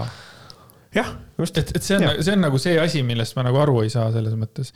ja, ja loomulikult see ka, et, et meediast lugeda, eks ole, ma ei ole nõus selles mõttes, et mina näen igal pool erinevaid artikleid selles mõttes ja samas teistpidi, kui ikkagi Marle Pärn istub, no võib-olla ei istu, aga mulle tundub, et paljud, ütleme, uute uudiste ja Telegrami ja nii edasi lugejad istuvad ikkagi oma selles mingisuguses väikeses kohas, eks ole, et eh, nad ei, nad ei teagi väga palju, kus midagi üldse nagu kirjutatakse, kus nad üldse teavad, millest nagu kirjutatakse? saavad Facebookist teada või? või see, või see uutest uudistest ja Objektiivist? uued uudised Objektiivid jah, mingi sihuke meediakanali. mingi teatud meediad tulevad. et eh, noh, ma ei tea sest näete, tänapäeval on üks üsna suur rühmitus või kamp inimesi, kelle arvates demokraatia tähendab seda, et kõik peavad tegema seda, mida nemad tahavad ja nõuavad. tuleb väga tuttav ette. üks erakond on ka, räägivad süvariigist hästi palju ja need. isa-poeg Kaabud ja kõik Isa, see ja. tõrvikud ja Anti Poolamets, kes ajab äh, segamini naisterahvaid ja. jah, just et jaa, et taaskord äh, nagu üks laks EKRE pihta mm, aitäh, Malle meil ei ole praegu probleemiks inimeste tavalisest erinev suguelu, see ei ole kellegi keelatud ja see on omaette teema, mis vajab tõsist teaduslikku lähenemist. Ehm, minge, minge tehke see Võhkerite Patreon ära. Te saate nagu, me oleme sellest rääkinud nii Malle Pärna kui, kui, kui nagu sellest situatsioonist, et minge Patreonisse. jah on sul midagi lisada praegu ja? ei, ma lihtsalt mõtlen seda, et nagu noh, see, see jutt tuleb veel edasi, aga lihtsalt, et ikkagi on vaja see suguelust aga rääkima hakata, et nagu riiklikult, et nagu miks on vaja riigil heaks kiita sugueluvorme, ma ei saa sellest aru. Fuck you, käi perse meie lahingud käivad selle erineva suguelu riikliku tunnustamise üle. seda tahetakse võrdsustada tavalise sugueluga kuni abieluni koguni laulatuseni välja. mitte keegi ei tegele sellega, et me tegeleme suguelude riikliku võrdsustamisega, you insane fucking. mina tahaks teada, mida see nagu tähendab, et äh, suguelu riiklik tunnustamine ja võrdsustamine, et sa tavalise sugueluga. riigikogust nagu... päevakorrapunkt, nii äh,. järgmine teema, anaalseksi riiklik tunnustamine oma.... palun võtta seisukoht ja hääletada. oma soo, oma soo vahel ka veel jah, ei, kõik eraldi, kõigepealt okay. hetero äh,, biseksuaalsetes suhetes, panseksuaalsetes suhetes äh,. kõik vormid on vaja läbi käia, vaata, see on, see saab olema väga keeruline. see saab olema väga keeruline erilist vastuseisu tekitab ühiskonnas selle tavalisest erineva suguelu avalik ja üsna agressiivne propageerimine laste ja noorte hulgas ja taaskord tulla tagasi meie mõne vanema saate juurde, kui keegi propageerib sind kukke imema, siis ilmselgelt sa juba tahtsid kukke imeda. et äh, et nagu, see ei ole ikkagi nagu nii must ja valge. see ei ole nagu niimoodi, et on äh, seitsmeaastane laps ja õpetaja läheb, võtab niimoodi suust kinni ja ütleb, nii, sa imed nüüd munni, hakkad imema. et see ei ole nii, jah. jää nüüd viisakaks, ikkagi see on ikkagi äh, poliiti-, poliitikasaade. jaa, vabandust. et ma olen asjast nii palju rääkinud tegelikult jah, räägi edasi, tee nalja edasi ma, ma, ma, palun vabandust, kasutasid vale terminit, et lihtsalt sa teed nüüd minetti sellega, saad aru. mulle, ma ei, ma ei, ma ei taha, ma, ma ei, ei, ei, ei, ei, ei, ei, ei, et noh, see propageerimine. mulle meeldivad tüdrukud, ei ei, siin on Tildo, proovi, harjuta, et noh, need asjad ei käi niimoodi, et selles mõttes Äh, Malle Pärn taaskord äh, nii, nii vana, võiks puhata, võiks võtta pikema une, magab pea selgeks, et nagu selles mõttes inimese seksuaalsus ei ole nagu, ei ole valik, vaid see on, see on sündides inimesel, et mulle meeldib, et see ja jumala eest, kui keegi, kui keegi tahab, otsustab, ütleme, tegelikult ei, ütleme, et see on valik. ta tahab kukke imeda. et ta tahab kukke imeda siis tal on õigus kukke imeda ja ta ei, ta ei nõua seda, et riik tunnustaks seda. Et äh, see, et see on nii veider, aga noh, vaata siit tulebki see Malle maailmapilt läbi, millest me oleme enne tegelikult ka rääkinud, see oli vist Patreonis jah, et, et noh, tegelikult Malle jaoks abielu kui selline, selle alustala jah, nii ta, nii, nii, nii ta kirjutas. on suguelu mis on tegelikult, me oleme mõlemad sinuga abielus, mitte üksteisega, stop laughing. Äh, et meil on, meil on mõlemal Andresega abikaasad ja meie abielu aluseks on üks, üks asi, see oli, vaata armastus, jah, see on nagu midagi hoopis muud, see ei ole nagu see, et mulle see naine meeldib, tahaks temaga seksida, aga ma pean abielluma selleks, et noh, fuck that, see asi nii ei ole aga ühiskond ei ole vaba looduslik organismide kooslus nagu looduses vabalt kasvav mets. ühiskond on pigem nagu aed, kus kasvavad inimese, inimese külvatud kultuurtaimed segamini umbrohuga. Panin nad jutumärkides, sest kõik nad on ju jumala loodud taimed. me nimetame meile vajalikke toiduks aretatud ja kasvatatud taimi kultuurtaimedeks ja meie meelest vales kohas kasvama kippuvaid meie mittevajalikke taimi umbrohtudeks. ja nende viimaste vastu peame pidevalt sõda, et nad ei kiusaks meie toidutaimekesi, see on väga-väga-väga huvitav lause. väga, väga lahe võrdlus. Äh, ja, ja ei ole, ei, ei ole, ei ole üldse. Lahterdav, nagu ta alguses nagu ütles, vaata. jah, ei ole üldse lahterdav ja samas see on, see on, see on ka nii mööda et äh, ühiskond ei ole vabalooduslik organismide kooslus, no tegelikult on küll, et nagu selles mõttes me just leiamegi seda, et igale taimele võiks olla koht, igale taim, igale taimele võiks anda võimaluse elada, et me ei tegele siin väga tugevalt pookimisega, sellega, et igasugused, et nüüd see umbrohi välja, see on see, millega tegeleb EKRE, et no ma ei tea.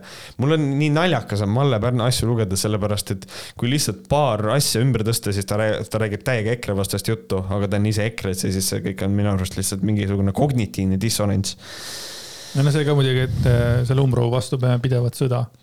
ma ei tea. ma, kes see peab sõda? ma ei tea, kui sõda ei ole, kui sa ei peaks sõda, siis sõda ei oleks. tegelikult. jah, kui, jaa, kui, aga kui ei oleks üldse neid taimi, siis ei oleks vaja ju üldse nagu olla vastaline ka, on ju, et. täiesti ja nüüd tuleb see vana hea äh, võrdlus. oma aias võib igaüks kasvatada ükskõik milliseid taimi, kui need ei ole lausa keskkonnale kahjulikud, aga meie ühises eluruumis tuleb kuulata ja uskuda asjatundjate soovitusi. nii kahjulikud, et äh, homoseksuaalid, mina loen välja, et homoseksuaalid on meie ühises eluruumis äh, kahjulikud. ja noh, see on ka see, mille vastu ta nagu võitleb ja minu arust on äh.... aa, ja igaüks, aa oota, see on ka see, et Taaves küsib, et kas on nagu midagi, vabandust, kas on nagu midagi omamoodi, ei minu pärast tehke te kodus seal teki all, mida tahate, aga ei, ärge te tulge sinna, tead, Raekoja platsile enda munnid käes kõndima, vaata, et nagu, et ko oma kodus tehke, mis tahate, ma ei ole homofoob, vaata. jah, ma ei ole homofoob, aga. täpselt samamoodi, oma aias võib igaüks kasvatada ükskõik milliseid taimi, onju. aga meie ühises eluruumis tuleb võidelda jah, mulle meeldib see, et ühises eluruumis tuleb kuulata, uskuda asjatundjate soovitusi, täpselt nii kaua, kuni nad räägivad sellist juttu, nagu meile meeldib, et selles mõttes, kui, kui tulevad välja asjatundjad, kes on tegelenud, kas, mis, mis, kas äh, gender studies või on äh, või mis tahes inimesed, kes on õppinud bioloogiat, ütlevad seda, et noh, tegelikult ka isegi bioloogilise soo nagu määramisel on tegelikult teatavad raskused ja seal ei ole nagu see lahterdamine nii kerge, siis see on kõik, see kõik on liberaalne kinni makstud pläma. ja siis, et seda juttu me ei kuule, et et kui tegelikult asjatundjad on rääkinud neile vastupidist juttu, siis mis neist saab, aga nemad on umbrohi nende jaoks ja muud ei olegi. aga sa tead, mida inimene vajab või? inimene vajab moraali ja eetikat, et elada ühiskonnas rahumeelselt, üksteist arvestavalt. kui see alus ära võtta, siis ei ole meil tegemist enam inimühiskonna, vaid mingi iseka anarhistliku kambaga, isegi loomadel on kindlad reeglid ma ei tea, millistel loomadel need kindlad reeglid on, ta mõtleb siin kohapeal võib-olla mingisugused karjas elavaid loomi, kus on mingisugused, mingid jõustruktuurid on äh, tekkinud, noh muidugi me ei tohi unustada, et jah, mesilastel on teatud reeglid, sest et nad on väga tugevalt laaderdatud ühiskond mesilastel. aga, aga siit me jõuame tegelikult nagu selleni ka, et noh, et meil on vaja moraali ja eetikat moraal ja eetika on minu jaoks kaks väga sarnast asja. eetika on minu jaoks see, kus on mingisugused ühiskondlikud kokkulepped mm. -hmm. moraal on individuaalne, et nagu selles mõttes, et moraali ei ole võimalik, eh, kõigil inimestel ei ole võimalik ühte moraali. eetika ka ei ole ikkagi päris mingi ühiskondlik kokkulepe, see, mis sinu jaoks on eetiline, ei. ei ole teise inimese jaoks eetiline, eetiline. aga. niimoodi rääkida, nagu meie võib-olla ropendame, oleme sellised ebaviisakad. ei ole eetilised. ei ole ka eetiline, sest Varro jaoks on ju see välimine ja see kõik see on mm -hmm. hästi tugev, vaata see, kuidas sa ennast väljendad see, kus ennast üleval pead, aga see on, ütleme, niisugune no., sa seest mädaned, see nagu, see ei loe, sest sa oled ilusti selle ülikonna sisse ja. nagu kinni pandud, vaata kõik see, see sitt on kinni, vaata. Eh, Varro kasutab hästi palju eh, sõna moraal, väga palju mm. -hmm. et ma võib-olla täpsustan natukene, et moraal ongi minu jaoks individuaalne asi inimestel ja eetika mitte siis ühiskonna, tähendab, on olemas erinevad eetikakihid, eks ole. minu jaoks on eetika pigem mingisuguse kogukonna asi. mingid asjad, kuidas mingis kultuuri kontekstis on mingid asjad eetilised, et nagu selles mõttes ähm, väga hea, et sa mulle nagu selles mõttes vastu hakkasid, sellepärast see vajab tõepoolest täpsustamist. et tõsi on see, et ähm, Malle jaoks meie ei ole eetilised aga me oleme loonud selle, et noh, meie saates, me, me vastame mingisugusele eetikale enda arvates, aga see ongi meie kokku lepitud asi. et selles mõttes, et kus me ikkagi jõuame selleni, et kõik on suhteliselt relatiivne. et, ähm, et, et noh, et eetika ei ole ka kõigile üheselt mõistetav, seda enam, et kui ta räägib, et see alus ära võtta, et noh, et tegelikult ta millegipärast arvab, et siis äh, selline liberaalne maailm üritab eetikat ja moraali ära kaotada, mis on täiesti võimatu, sellepärast et me ehitame eetika üles moraalile ja igal, igal inimesel on mingisugune moraal. et see, kui inimene on, äh, teeb teist, kui on gei mees ja ta teeb geiseksi, siis nende inimeste arvates on ta amoraalne, aga noh, tema arvates on see moraalne, ehk siis tal ikkagi on mingisugune moraalikoodeks ka ja me ehitame nende asjade peale üles eetikat, et tegelikult mida, mida me teeme, on see, me ei ürita eetikat mitte kuidagi äh, ära kaotada, vaid me üritame eetikat äh, mingis suunas liigutada kogu aeg. täpselt samamoodi nagu ka konservatiivsed inimesed üritavad eetikat mingis suunas liigutada. et selles mõttes on täiesti normaalne ühiskondlik protsess, mis toimub, et ma ei saa aru, mida ta, mida ta raisk paugub, see on täiesti normaalne tegevus. Overtoni akna liigutamine mm. -hmm. ja siis on põhipauk, kõik inimesed on seaduse ees võrdsed. õige tubli, Malle, väga hea, võiks olla küll, jah mm. -hmm. räägi seda oma nende sõpradele ka. igaühel on õigus oma muredest avalikult rääkida, ajakirjandus peab olema rahva erinevate suhtumiste ja mõtete vahendaja, mitte kõiki inimesi ühtmoodi mõtleva sundiv ideoloog. no kuna ta, kuna ta räägib ajakirjandusest üldiselt, siis see on väga ilusasti tehtud, sest et meil on väga palju, ajakirjanduses väga palju erinevaid väljaandeid Äh, et äh, ma isegi ütleks, et see, tal on äh, õigus ja see toimib, sest et noh, uued uudised küll mulle meeldib nalja teha seda, et noh, uued, uut, uutel uudistel ei ole ajakirjandusega mitte mingisugust pistmist, aga nad ise arvavad, et on, et noh, et siis kui nende jaoks uus, uued uudised on ajakirjandus, siis noh, teeb ju ilusasti oma tööd, ei või? jah, sest ta noh, kindlasti on objektiiv ja uued uudised on, on ajakirjandus, noh nende inimeste jaoks, kes seal ütleme töötavad ja kindlasti need, kes seda usuvad, et mm. et, et see on ka sihuke, et peab erinevate suhtumiste ja mõtete vahendaja, mitte kõik inimesi ühtmoodi mõtleva sundiv ideoloog, et Uued uudised ja Objektiiv on väga tugevasti kaldu ühele poole, eks ole mm. -hmm ja, ja et ilmselgelt on muidugi, no ma saan aru, et ta ründas nagu lihtsalt peavoolumeediat yeah,. et yeah, yeah. aga jälle tekib mul küsimus seda, et aga see, kes ei loe peavoolumeediat tegelikult, noh, kuidas ta saab üldse nagu seda nagu niimoodi äh, liigitada hullult, et nüüd nagu seal toimuvad ainult need asjad või need. ta ei tea ju seda, kas ta loeb kõik artiklid läbi ära, kas ta kõik, jah, kas ta loeb kõik, kõik, kõik ajakirjad ja kõik asjad loeb läbi ära. et ta nii julmalt nagu julgeb öelda, et, et nagu ei anda konservatiividele sõna, mina sain niimoodi aru sellest, võib-olla ma eksisin eks, nojah, mis on veider, sest et no antakse, meil on konservatiivsed erakonnad käivad debatte pidamas. Äh, rohelisi ei kutsuta näiteks. rohelisi ei kutsuta. et see on jah, see on väga meelevaldne meelevaldne pask mm. -hmm.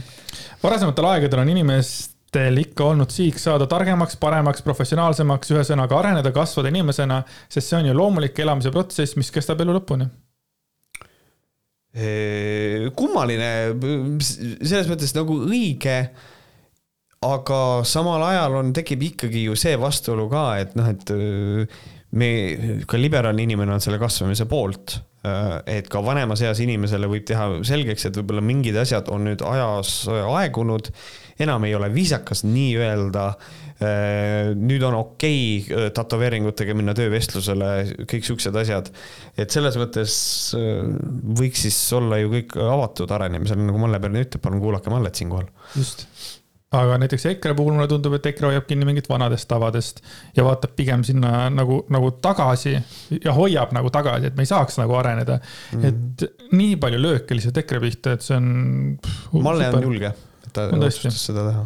nüüd pannakse suud kinni nendel, kes liiga palju targutavad ja moraliseerivad. kui keegi julgeb arvustada liberaali või õige nimega nimetada tema tegevust, siis ta solvub ja sõimab arvustajad lamemaalasteks, fašistideks, rassistideks. oh, me teame ju kõiki neid sildikesi. konservatiiv on paha õel, lausa kurjuse kehastus. no siin on nagu see, et siin on, äh, see on see kõiki konservatiive ühendav lause on siin, et konservatiivid on sellised ja sellised. mul on tutvusringkonnas konservatiivseid inimesi, kellega ma saan väga hästi läbi, et äh, kes arvavad, et, et homod ei tohiks abielluda Äh, aga nad ei, äh, aga neil on nagu kuidagi see suhtumine on oluliselt teistsugune kui see, et rõu nagu see rõve ja vastik ja iu ja, ja kuidagi selline rohkem argumenteeritum.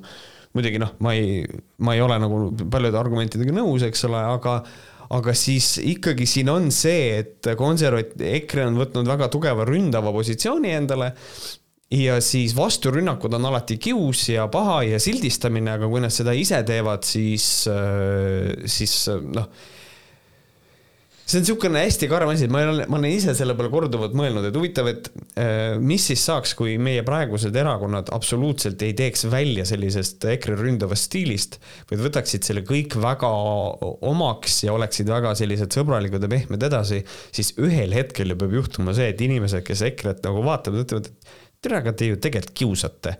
aga kui talle samamoodi vastu panna, siis EKRE-st jagu ei saa minu arust. Et võib-olla siin ongi vaja vahetada teatavat seda strateegiat. aga ma, ja, ma ka tunnen, et need, kes, keda kiusatakse, need hakkavad nagu täpselt samamoodi käituma. ja siis võiks tegelikult kõikide peale näpuga veits näidata mm. -hmm. ka, ka minu peale, ka, ka sinu peale. aga sest noh, lõppkokkuvõttes me jõuame poliitilisel tasemel samale nagu see Rakvere Maxima intsident tegelikult, et noh, et tegelikult inimene, kes on põhimõtteliselt nii-öelda meie poolel, on mm. tegelikult noh, niimoodi, et miks sa teed seda, mhm. miks? Why?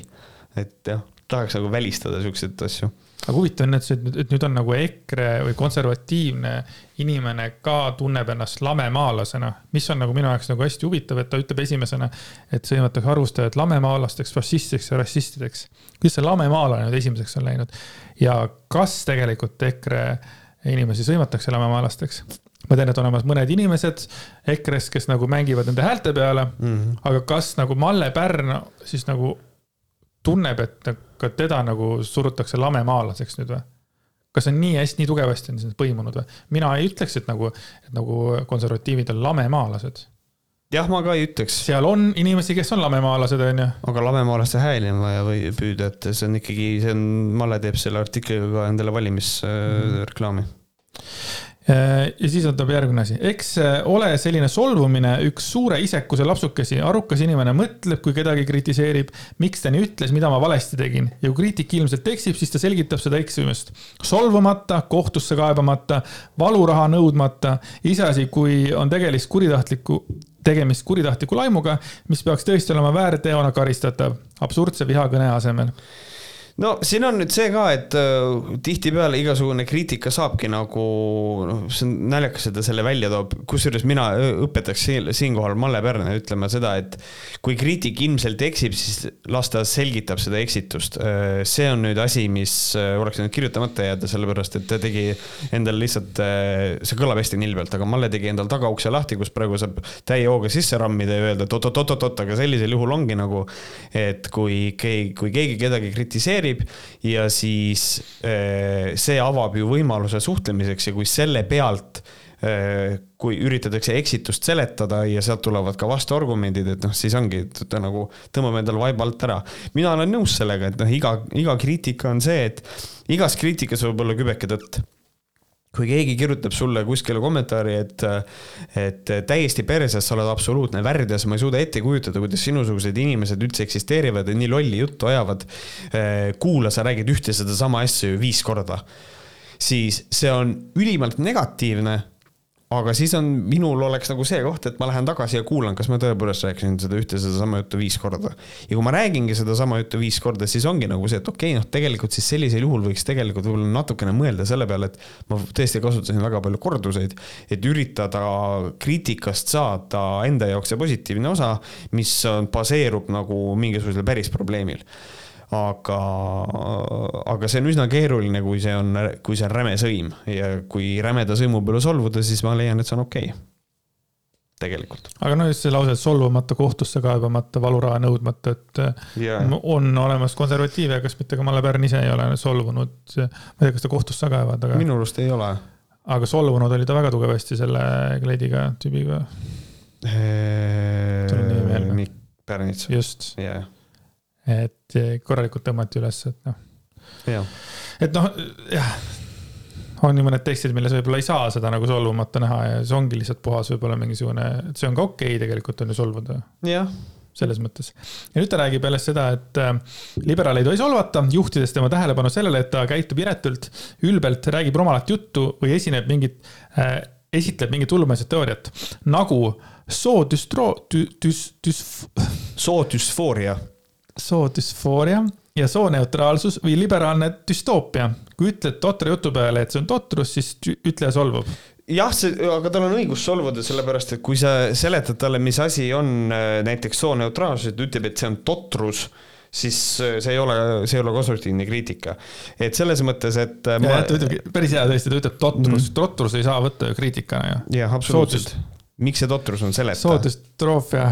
düsfooria. düsfooria Jesus, mõttes, alati on üks sõna, millega hakkama ei saa. sel-, selles mõttes, kui sa seda sõna nagu loed, siis sa loed välja, et see on düsfooria aga äh, ilmselt Malle ei ole lugenud, mis asi on soodüsfooria, mis, mida tegelikult sooneutraalsus tähendab ja siis liberaalne düstoopia, mitte ükski liberaal ei räägi liberaalsest düstoopiast, nii palju kui ta räägib liberaalsest utoopiast teise inimese jaoks võib see tunduda düstoopia, aga noh, see selleks, et, et enne võiks need terminid endale võib-olla selgeks teha ja siis öelda, et see on totrus, et see, kui noh, see on, ma olen sellest enne rääkinud ka, et aga et see sooneutraalsus mulle on jätnud mulje, et Malle Pärn ise usub, et kui me räägime sooneutraalsest kasvatusest, siis see tähendab seda, et me kasvatame lapsi niimoodi, et me ei kasvata neid äh, ei poisiks ega tüdrukuks, mis ei vasta tõele mm. -hmm. et selles mõttes tegelikult, mida see tähendab, sooneutraalne kasvatus tähendab seda, et äh, lastel ei tekiks eelarvamusi äh, naiste nagu naise ja mehe rollist ühiskonnas. see on tegelikult see sooneutraalsus. et aga noh, selles mõttes Malle Pärnale ei ole mõtet seda öelda, sest ta on nii loll, et ta ei saa nendest asjadest aru lihtsalt varem oli nii, et kriitika võeti vastu ja vähemalt kaaluti, et äkki on kritiseerijal õigus ja siis püüti edaspidigi targemaks saada ja paremini käituda. et see on nüüd siis jälle siis, kui ta räägib sooideoloogiast mm -hmm. ja siis mm, ma kujutan ette, et ma olen noh, näiteks noh, ma olen, ma olengi praegu kolmkümmend kaheksa aastat olnud vales kehas, ma tunnen ennast nagu, noh, ma ei tunne ennast nagu õigesti, ma tahaksin midagi muuta, aga kuna Malle ütles, et see on totrus cool, selge, ehk siis mul ei ole enam enesetapumõtteid ja, ja ma tunnen ennast palju ja, paremini. aitäh. Lähen koju et, ja kõik on, kõik on korras, et. et, äh, et ongi, et nagu noh kriiti-, kriitika. Noh. äkki kritiseerida on õigus ja, aga siis, aga kui konservatiivi kritiseerida, siis tehakse ju teile kogu aeg liiga. äkki on kritiseerida õigus, selle peale ei ole mõelnud. et noh, minu arust ei saa konservatiive ka nagu kritiseerida väga mm. -hmm politseiülem on rahul oma alluvate vägivaldse käitumisega rahulike meeleavaldajate suhtes. see, kes väidab, et tema andis käsu eriüksuse dessandiks, ei näe, et ta oleks midagi valesti teinud. ta ei võta kuulda isegi mõnede liberaalide kriitikat. okei okay et äh, dessant leidis aset ja kõike seda, et äh, okei okay,, noh, see, ta ei võta kuulda isegi mõnede liberaalide kriitikat, okei okay,, noh siis see on üsna üheselt on siis selle inimese probleem selle ametniku probleem, ühesõnaga, et noh. ma, mul ei ole, ma ei oska, nii, nii, mis siis, noh. jah, sama hästi võiks öelda, et aga kui ei oleks olnud seda meeleavaldust, ei oleks olnud äh, politsei, sest et noh see on, see on mallepärane loogika. ei oleks olnud meeleavaldust, mul ei oleks olnud dessanti, eks mm, -hmm. halloo. ja noh, ma ikkagi arvan isiklikult tegelikult, et mitte keegi ei ole õnnelik, kuidas see asi nagu, ütleme siis nagu lahenes. Äh, aga mul on tunne, et nagu eriti õnnelikud, kuidas see asi lahenes, on just need äh, noh, tollel hetkel nagu maskivastased ja yeah., ja, ja koroona eitajad. aga, aga mängida ohvrit on lahe, aga mulle ei meeldi ohver olla ja siis, kui sa ütlesid ka siin äh, tulen korra tagasi selle juurde, et kui sa ütlesid, et vaatad inimest, kellel mask ees ja tunned, no aga miks mina pean käima, siis noh, minu sees nagu midagi tuksatas ja mina ütlen, et mina ei taha ennast ohvrina tunda. nagu selles mõttes, et ma ei tunnegi ennast ohvrina, mina teen nagu seda, mis ma tunnen, et on maailmale ja võib-olla on, on nagu parem, et mina ei tunne ennast näiteks ohvrina, kui ma näen, et kellelgi teisel ei ole ees. ja ma olen seda mentaliteeti hästi palju näinud, kui ütleme, kui ma olin, noh, töötasin meistrina ja nägin ka nagu tööliste suhtes, siis oli jälle see, et ja aga miks nemad lähevad varem ära, kui meie ei lähe ja nii edasi ja see hakkas mulle kuidagi vastu karva käima, see selline, et no aga miks meie, miks nemad, et nagu igaüks võiks nagu tegeleda natuke nagu noh, ma ei tea, iseendaga või hmm.? no ma ei tea nii, Toompea inetult käitunud erosaadik eh, nõuab kahjutasu nendelt, kes tema käitumist normaalseks ei pidanud. tegu on siis äh, kurikuulsad, mida me ka enne mainisime äh,, mitte Kaarel, aga Indrek Tarand mm, -hmm. kes siis sai jalaga perse, kelle tungiti füüsiliselt kallale äh,, mille jätab mainimata. absoluutselt, seda ta ei ütle, et, et terve hunnik inimesi üritas korraga jalaga lüüa, üks vist lõi ka, eks ole. prillid vist võeti tal ära või mm? -hmm. et seal oli noh, et, et, et selles mõttes noh ma ei, ma, ma olen seda öelnud enne, ütlen uuesti, selles mõttes Indrek Tarand provotseeris ka, onju. absoluutselt. aga võtta see kokku niimoodi, et ta nõuab kahjutasu nendelt inimestelt, kes tema käitumist normaalseks ei pidanud, on nii räme narratiivi väänamine, et isegi Varro Vooglaid on nagu, et kuule, oota nüüd natukene võiks mm, -mm, võib-olla ei kirjuta üldse sellest. sellepärast, et äh, kahjutasu nõuti ikkagi ju sellepärast, et ta ju, talle tungiti füüsiliselt kallale. just et äh, jah, ja kui ma ei eksi, siis ma ei ole näinud siiamaani veel seda vabandust ja igal pool, mis ta sai ju kohtus selle võidu, vaata, et need peavad vabandama, kõik uued uudised pidi vabandama ja keegi midagi veel ja siis mingid trahvid. ma ei ole seda vabandust näinud mm. -hmm. see ei ole, ma ei usu, et see on läinud nagu radari alt läbi, sest keegi oleks selle ikkagi üles nagu mm -hmm. Äh, lasteaialastele veidra nokulaulu õpetanud Sexpo kursandist tädi nõuab tuhandeid eurosid nendelt, kellele tema käitumine lastega tundus siivutuna või koguni ähm, ropuna. hästi veider, et ta ise kasutab, et see äh, tundus siivutu ja koguni ropp, sellepärast et tegelikult äh, Äh, see Sexpo kursandist tädi äh, jutumärkides andis just nimelt, äh, nõudis valuraha selle eest, et ta sai räigelt sõimu et äh, roppu sõimu selle eest. ehk siis äh, Malle Pärn on äh, nii vastikult äh, ide oma ideoloogias kinni, et kui inim-, kui see Nuku laul sulle ei meeldi, siis sa võid mida iganes sa tahad inimesele postkasti kirjutada, aga ta võtab selle kokku sellega, et, et see tundus nendele inimestele siivutu. et äh, selles mõttes Malle Pärn minu arust on täiesti nagu, täiesti värdeliku suhtumisega sellesse asja. minul oleks nagu niisugune soovitus võib-olla kõikidele nendele, kes nagu hakkavad moraali lugema, et äkki siis ei ole mõtet nagu teisi inimesi ka nagu, nagu, nagu kuidagi nagu, nagu võib-olla sõimamine ei ole õige sõna, aga, aga aga õpetanud sekspo kursandist tädi ja sellised asjad, et sa oled ise Kõik nagu halvustada. vanem proua, eks ole. ja, ja siis sa nagu sõimad tädideks mingeid inimesi ja mingit sekspo kursandist ja miks see nagu vajalik on, kus see, kes see võitis praegu sellest, kas oli mõnus pann või ei olnud ju? Mm. -hmm. nagu saime aru sellest, jah. rahvusooperi direktori tühistavad ära emotsionaalselt üles köetud neiud, kellel varem ei jätkunud julgust talle otse öelda, palun ära minuga selliseid nalju tee. aga moodne kampaania tõotab nüüd neile ju edu ja kuulsust. ma ei saaks öelda, et see on üldse edu ja kuulsust nendele inimestele toonud. ja teiseks koha pealt on see, et äh, Malle Pärn, esiteks äh, äh, seda meest ei tühistatud ära. Äh, teiseks, äh, emotsionaalselt üles köetud neiu, kellel varem ei jätkunud julgust otse öelda, palun ära minuga selliseid asju tee, ühesõnaga, kui äh, Malle sind tõmbab keegi puu alla, paneb sulle noa kõri peale, vägistab sind ära ja sa ei julge talle ei öelda, sellepärast kui sa ei ütled, võib-olla ta lõikab sul kõri läbi, siis kas sind tohtis ära vägistada või? mine perse, see on, see on erakordselt vastik ohvri süüdistamine, et see on, see on, tekitab minus reaalselt no vihatunde nagu mm. -hmm. vastik inimene. ma jään selle juurde, et ohvri süüdistamine ei ole okei okay. ähm,. aga konservatiivid, nagu me näeme, siis nad teevad seda tihti, eriti kui on naisterahvastega tegu mm. -hmm ja üks perekond on risti löödud pikaks ajaks kohtu hammaste vahele mõistetud, sest laim on ju vaba, nagu meile oma tegevusega kuulutas too Brüsseli arveametnik, kes Eestis viis aastat rahvale väga kalliks maksma läinud presidenti mängis, taaskord lihtsalt isiklikud solvangud mm. -hmm. ja ma kirjutasin siia ka, et vastuoluline teema, tagantjärgi tarkus. et ähm, me oleme sellest rääkinud, meie arvates oli nagu hea või ütleme hea, aga see oli nagu õige tegu Kaljulaiu poolt, nüüd tagantjärgi jah, võib tunnistada, et äh, asi ei läinud päris nii, nagu oleks võinud. jah, äh, aga, aga siit ka T-särgi idee võhkeritele, et äh, panna lihtsalt pilt, laim. laim on vaba. ja laim ja siis on, on, on vaba, see on mõte. laimipilt või? jah, laimipilt lihtsalt. aga kuidas võhkarid?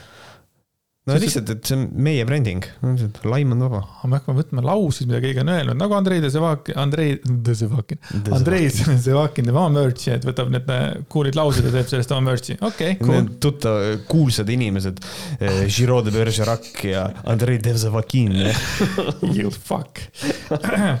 ja siis tuleb nüüd viimane lõik. kas on meil veel seadust, mis kehtib teistega võrdselt ka selle kivimüürina seisva ennasttäis liberaalkamba kohta. seadust, millele ka nemad vastu vaidlematult alluksid või ongi meil juba düstoopia käes ja kõik teistsugused kogukonna variandid keelatud. kas meil on üldse ongi veel lootust leida seda lillesidet, millega seda rahvast saaks ühte köita?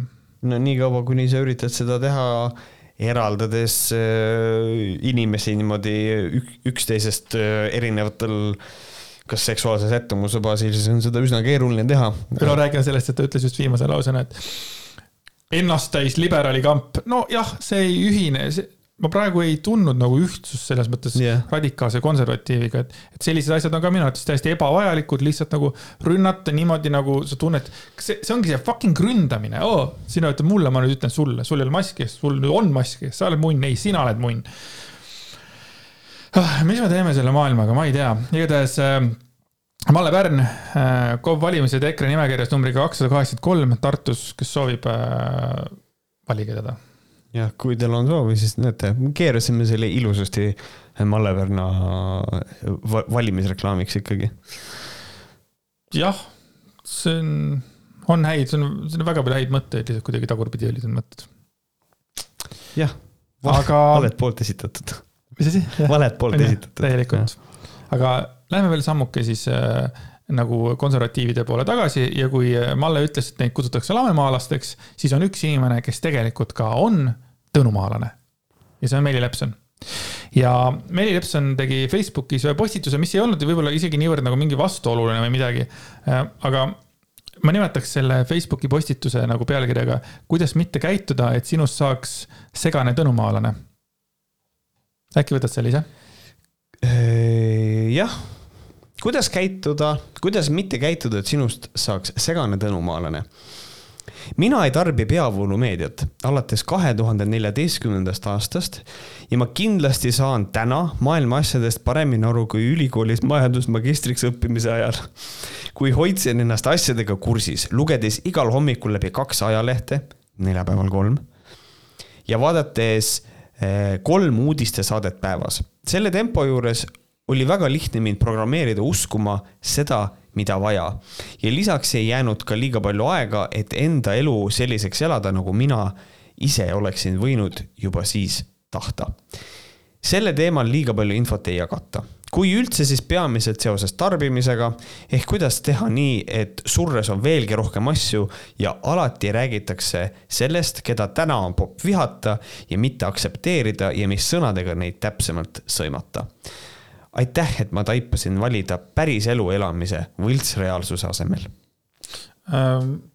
tuleks nagu meelde tuletada, et Meeli Lepsa on see, kes elab äh, siis sotsiaalmeedia reaalsuses, kõik kõik, mida jagavad tema siis nagu sõbrad ja see kogukond on nagu suureks läinud, ütleme, et äh, ütleme, mingi segane tüüp, Andero Pebre teeb näiteks mingisuguse postituse ja räägib sellest, kuidas meil, ma ei tea, mis süsteemid tuleb kehasse, automaatselt nagu jagatakse seda infot. mis tähendab, tema on valinud selle mulli, et tema kuuleb, et ta enam nagu ei, ei otsusta ise nagu mida ta usub äh, kuskilt mm. lugedes, ükskõik kuskohast, vaid ta on valinud selle mulli, et ta usub seda, mida jagavad tema sõbrad, kes võib-olla ei ole ka kõige õigemate äh, arusaamadega. rääkimata sellest, et kui ta õppis ülikoolis majandusmagistriks ähm,. kas see nagu oli mingi kindel põhjus, miks ta luges igal hommikul läbi kaks ajalehte ja ühe ajalehe läbilugemine võtab tohutu aja, oled sa näinud, kui suured ajalehed, kui sa hakkad praegu Postimehest läbi lugema. kas, kuna sa lugesid viimati Postimehe otsast lõpuni läbi?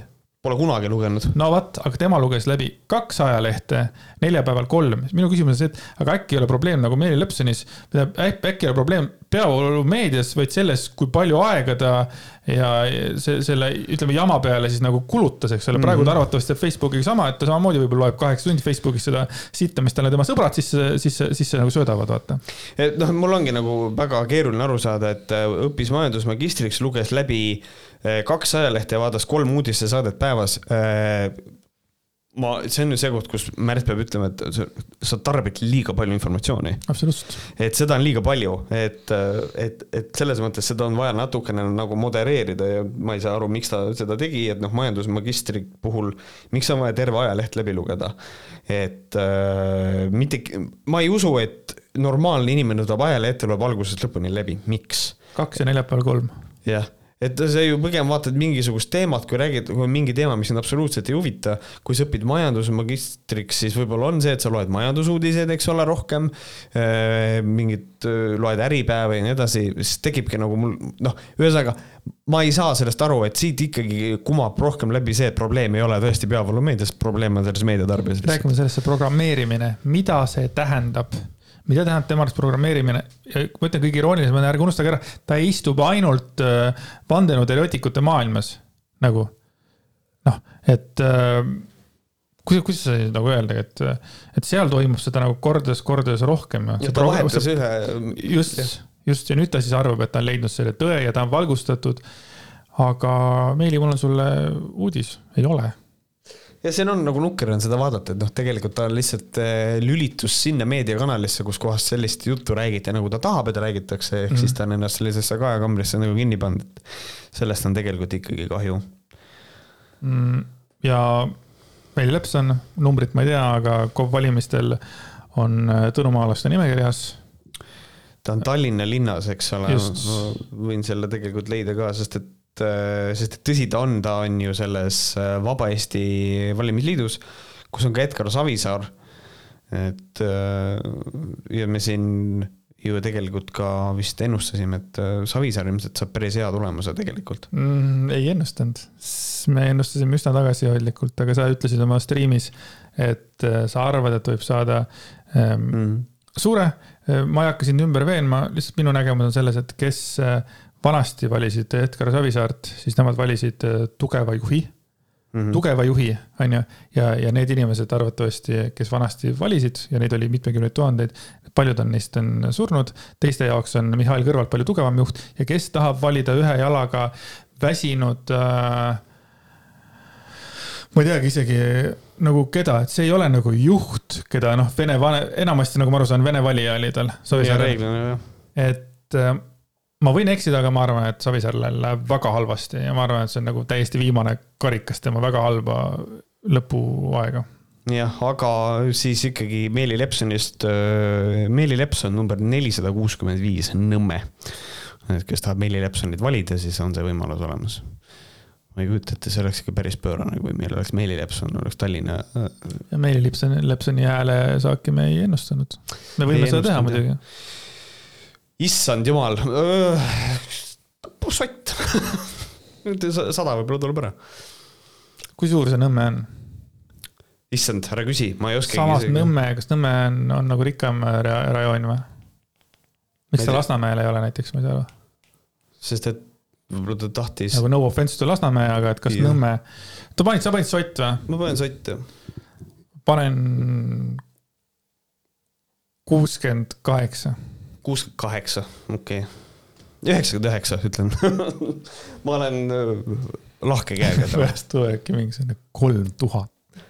mingi, mingi Tallinnas üldse mingi kolmas tulemus peale Kõlvartit ja kes.... siis ma hakkan ilmselt kuskile Norra metsadesse endale mingit maja otsima, ma arvan. ei, aga miks on kohalikud valimised? no jaa, aga, aga see näitab, et kohalikul tasemel on Tallinnas nii perses seal on kogu aeg olnud perses nagu no, noh, tollel ajal, kui Savisaar oli ju ikkagi nagu kunn, siis see oli ikka väga perses. aga huvitav on see, et eh, kohalikel valimistel mina väga ei ole kuulnud kohalikest asjadest. Tartus räägitakse ainult sellest pargist, on ju -hmm., noh, jälle ma ei ole väga süvitsi sees ja siis kõik ülejäänud räägivad nagu sellest, mis on ei pagulastele, rohelised räägivad legaliseerisime, legaliseerime kanepi umbes.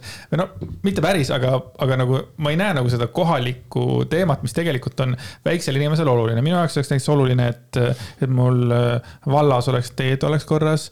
et no mingid sellised, sellised väiksed asjad, mis minu elu nagu teeksid nagu paremaks mm.. aga, aga aga minu arvates see kohalikel valimistel ei räägita sellest. EKRE laseb puhtalt selle vaktsiini vastasuse peal liugu, on ju, ja noh, tõnumaalased ka. Mhm. Et mida nad nagu kohalikud tahavad ära saada, nad räägivad sellest suurest pildist, mis tegelikult ei peaks kõnetama meid jah, mis on nagu, aga, aga sinu koha peal on see ka oluline, et me räägime nagu meediast, et noh, tegelikult selle koha peal on vist targem tegelikult ikkagi minna ja vaadata ka iga erakonna valimisprogrammi, mida nad on kuskil piirkonnas, mida nad, mida nad pakuvad, et nagu peavoolumeediast otseselt praegu ongi väga keeruline. True, ma tegin niisuguse meelivaldse yeah. äh, mõtte, välgatuse. jah, noh, see on kuulajatel ka mõte, et nagu selles mõttes, et äh, paraku me elame praegu sellises ajas, et on vaja ise üles otsida erakondade need äh, plaanid, et, äh, et minge vaadake nende valimisplatvorme ikkagi nende kodulõhtedelt ka, et saada võib-olla selgema pildi, kui see, mis niisugune kuradi noh, peavoolumeedias niisugune põhiline lahmimine aset leiab, et, et, et jah, see on selle, see on, see on selle saate õpetus. vaatasid, panid arvuti kokku pooleks, paneme putka kinni või? Äh, ma, ma, ma mõtlesin küll jah, me oleme siin äh, pannud, aga me võime võtta veel ühe teema, kui sul on soovi. kui sa tahad muidugi. Äh, iseenesest ma arvan, et räägitud on küll. ma mõtlen ise ka, et äkki nüüd aitab tõnumaalastest. jah, sest et järgmine teema oli, oli sellel teemal, aga las olla põhimõtteliselt. vaata, see kuidagi saade on siis nagu ära väsitanud, võttis tühjaks. jah, sellepärast, et. tõmbas tühjaks, noh. Male Pärn tõmbab mind Male Pärn tõmbas mind väga tühjaks. et. no vaimselt selles mõttes, tema artikkel nagu. et, et tegelikult see on ikkagi suhteliselt kurb on nagu noh, lugeda, et noh, nii meelevaldne ollakse, et see on nagu, et see on nagu üsna, üsna, üsna nukker aga mis ei ole nukker, on see, et meil on väga lahedad vaatajad, meil on väga ägedad Patreonid, kui te tahate ka meie Patreoniks hakata, siis on väga lihtne, www.patreon.com kaldkriips vohkarid, praeguse seisuga me oleme oma graafiku niimoodi üles ehitanud, et me teeme iga, iga, tahtsin öelda, me teeme iga saade nädal mm. -hmm. me teeme iga nädal ühe saate põhimõtteliselt ja siis üks saade on siis Võhkarid ja teine Võhkarid patroonhääling, millele pääsevad ligi meie äh, meie võhkarid äh, Patreonis põhimõtteliselt. muide, huvitav oligi see, et üks inimene, sa saatsid mulle üks päev äh, Messengeri, et umbes, et Andreas, noh, rohkem saateid, et keegi oli pannud äh, Patreonis, ta läks ära, ta oli meie kuulaja, üks hetk ta läks ära, ta kirjutas põhjuseks, et nagu, et vist vähe content'i või mis see teema oli? ja eeldas rohkem. mis, mis on nagu huvitav, et me oleme üks väheseid Eesti podcast'e, kes nii palju Patreonis tegelikult üldse, kui, et nii aktiivne on ja arvestades sellega, et meie tava nagu tasuta saated on siis kaks saadet kuus ja Patreonid saavad veel kaks juurde. et äh, ma arvan, et see ei olnud õiglane, aga võib-olla ei olnud mingit paremat no, põhjust anda. jah, äh, mina üldiselt ütlen sellele inimesele, et, äh, et siiski aitäh, et sa olid meie Patreon ja palun vabandust, et me ei vastanud sinu ootustele, et meil on praegusel hetkel meie siht on, et teha kuus, kaks saadet patrooni juurde siis eh, ja siis eh, seda teiste saadete kõrvalt. jah, sa, sa oled ikka hea, sa oled hea sa, sa oskad, sa oskad, oskad. minu, minu point ei olnud nagu selles mõttes nagu süüdistada seda inimest, sest et iga inimene, kes Patreonis liitub, on selles mõttes on nagu kulla väärtusega. ma lihtsalt mõtlen, et mulle tundus, et see, kuna me oleme kogu aeg rääkinud seda, et me anname kaks saadet, siis mulle tundus see, et võib-olla jah, võib-olla on nagu aus, et mm. me teeme nagu päris palju tööd ikkagi. jah, aga, aga kõigile teistele suur-suur tänu ikkagi. Äh, ka kui, kui te, kui te ei saa lubada endale Patreoni, siis äh, me ei ole teie peale pahased, sellepärast me seda oma eh, seda põhisaadet siin ikkagi teemegi, et, et meie mingid sõnumid jõuaks ka laiemale üldsusele. aga soovime siis Udole ja Kendrale jah, leppimist ja et see mingi tõsi tuleks, tõde tuleks päevavalgele. Äh, jah, ma loodan, et asjad ei ole nii halvasti, kui, kui see mulje jäi. Äh, kuid äh, suur-suur tänu teile kõigile ja teid tänab Märt, teid tänab Andreas. aitäh. kohtume järgmine kord. tšau. tšau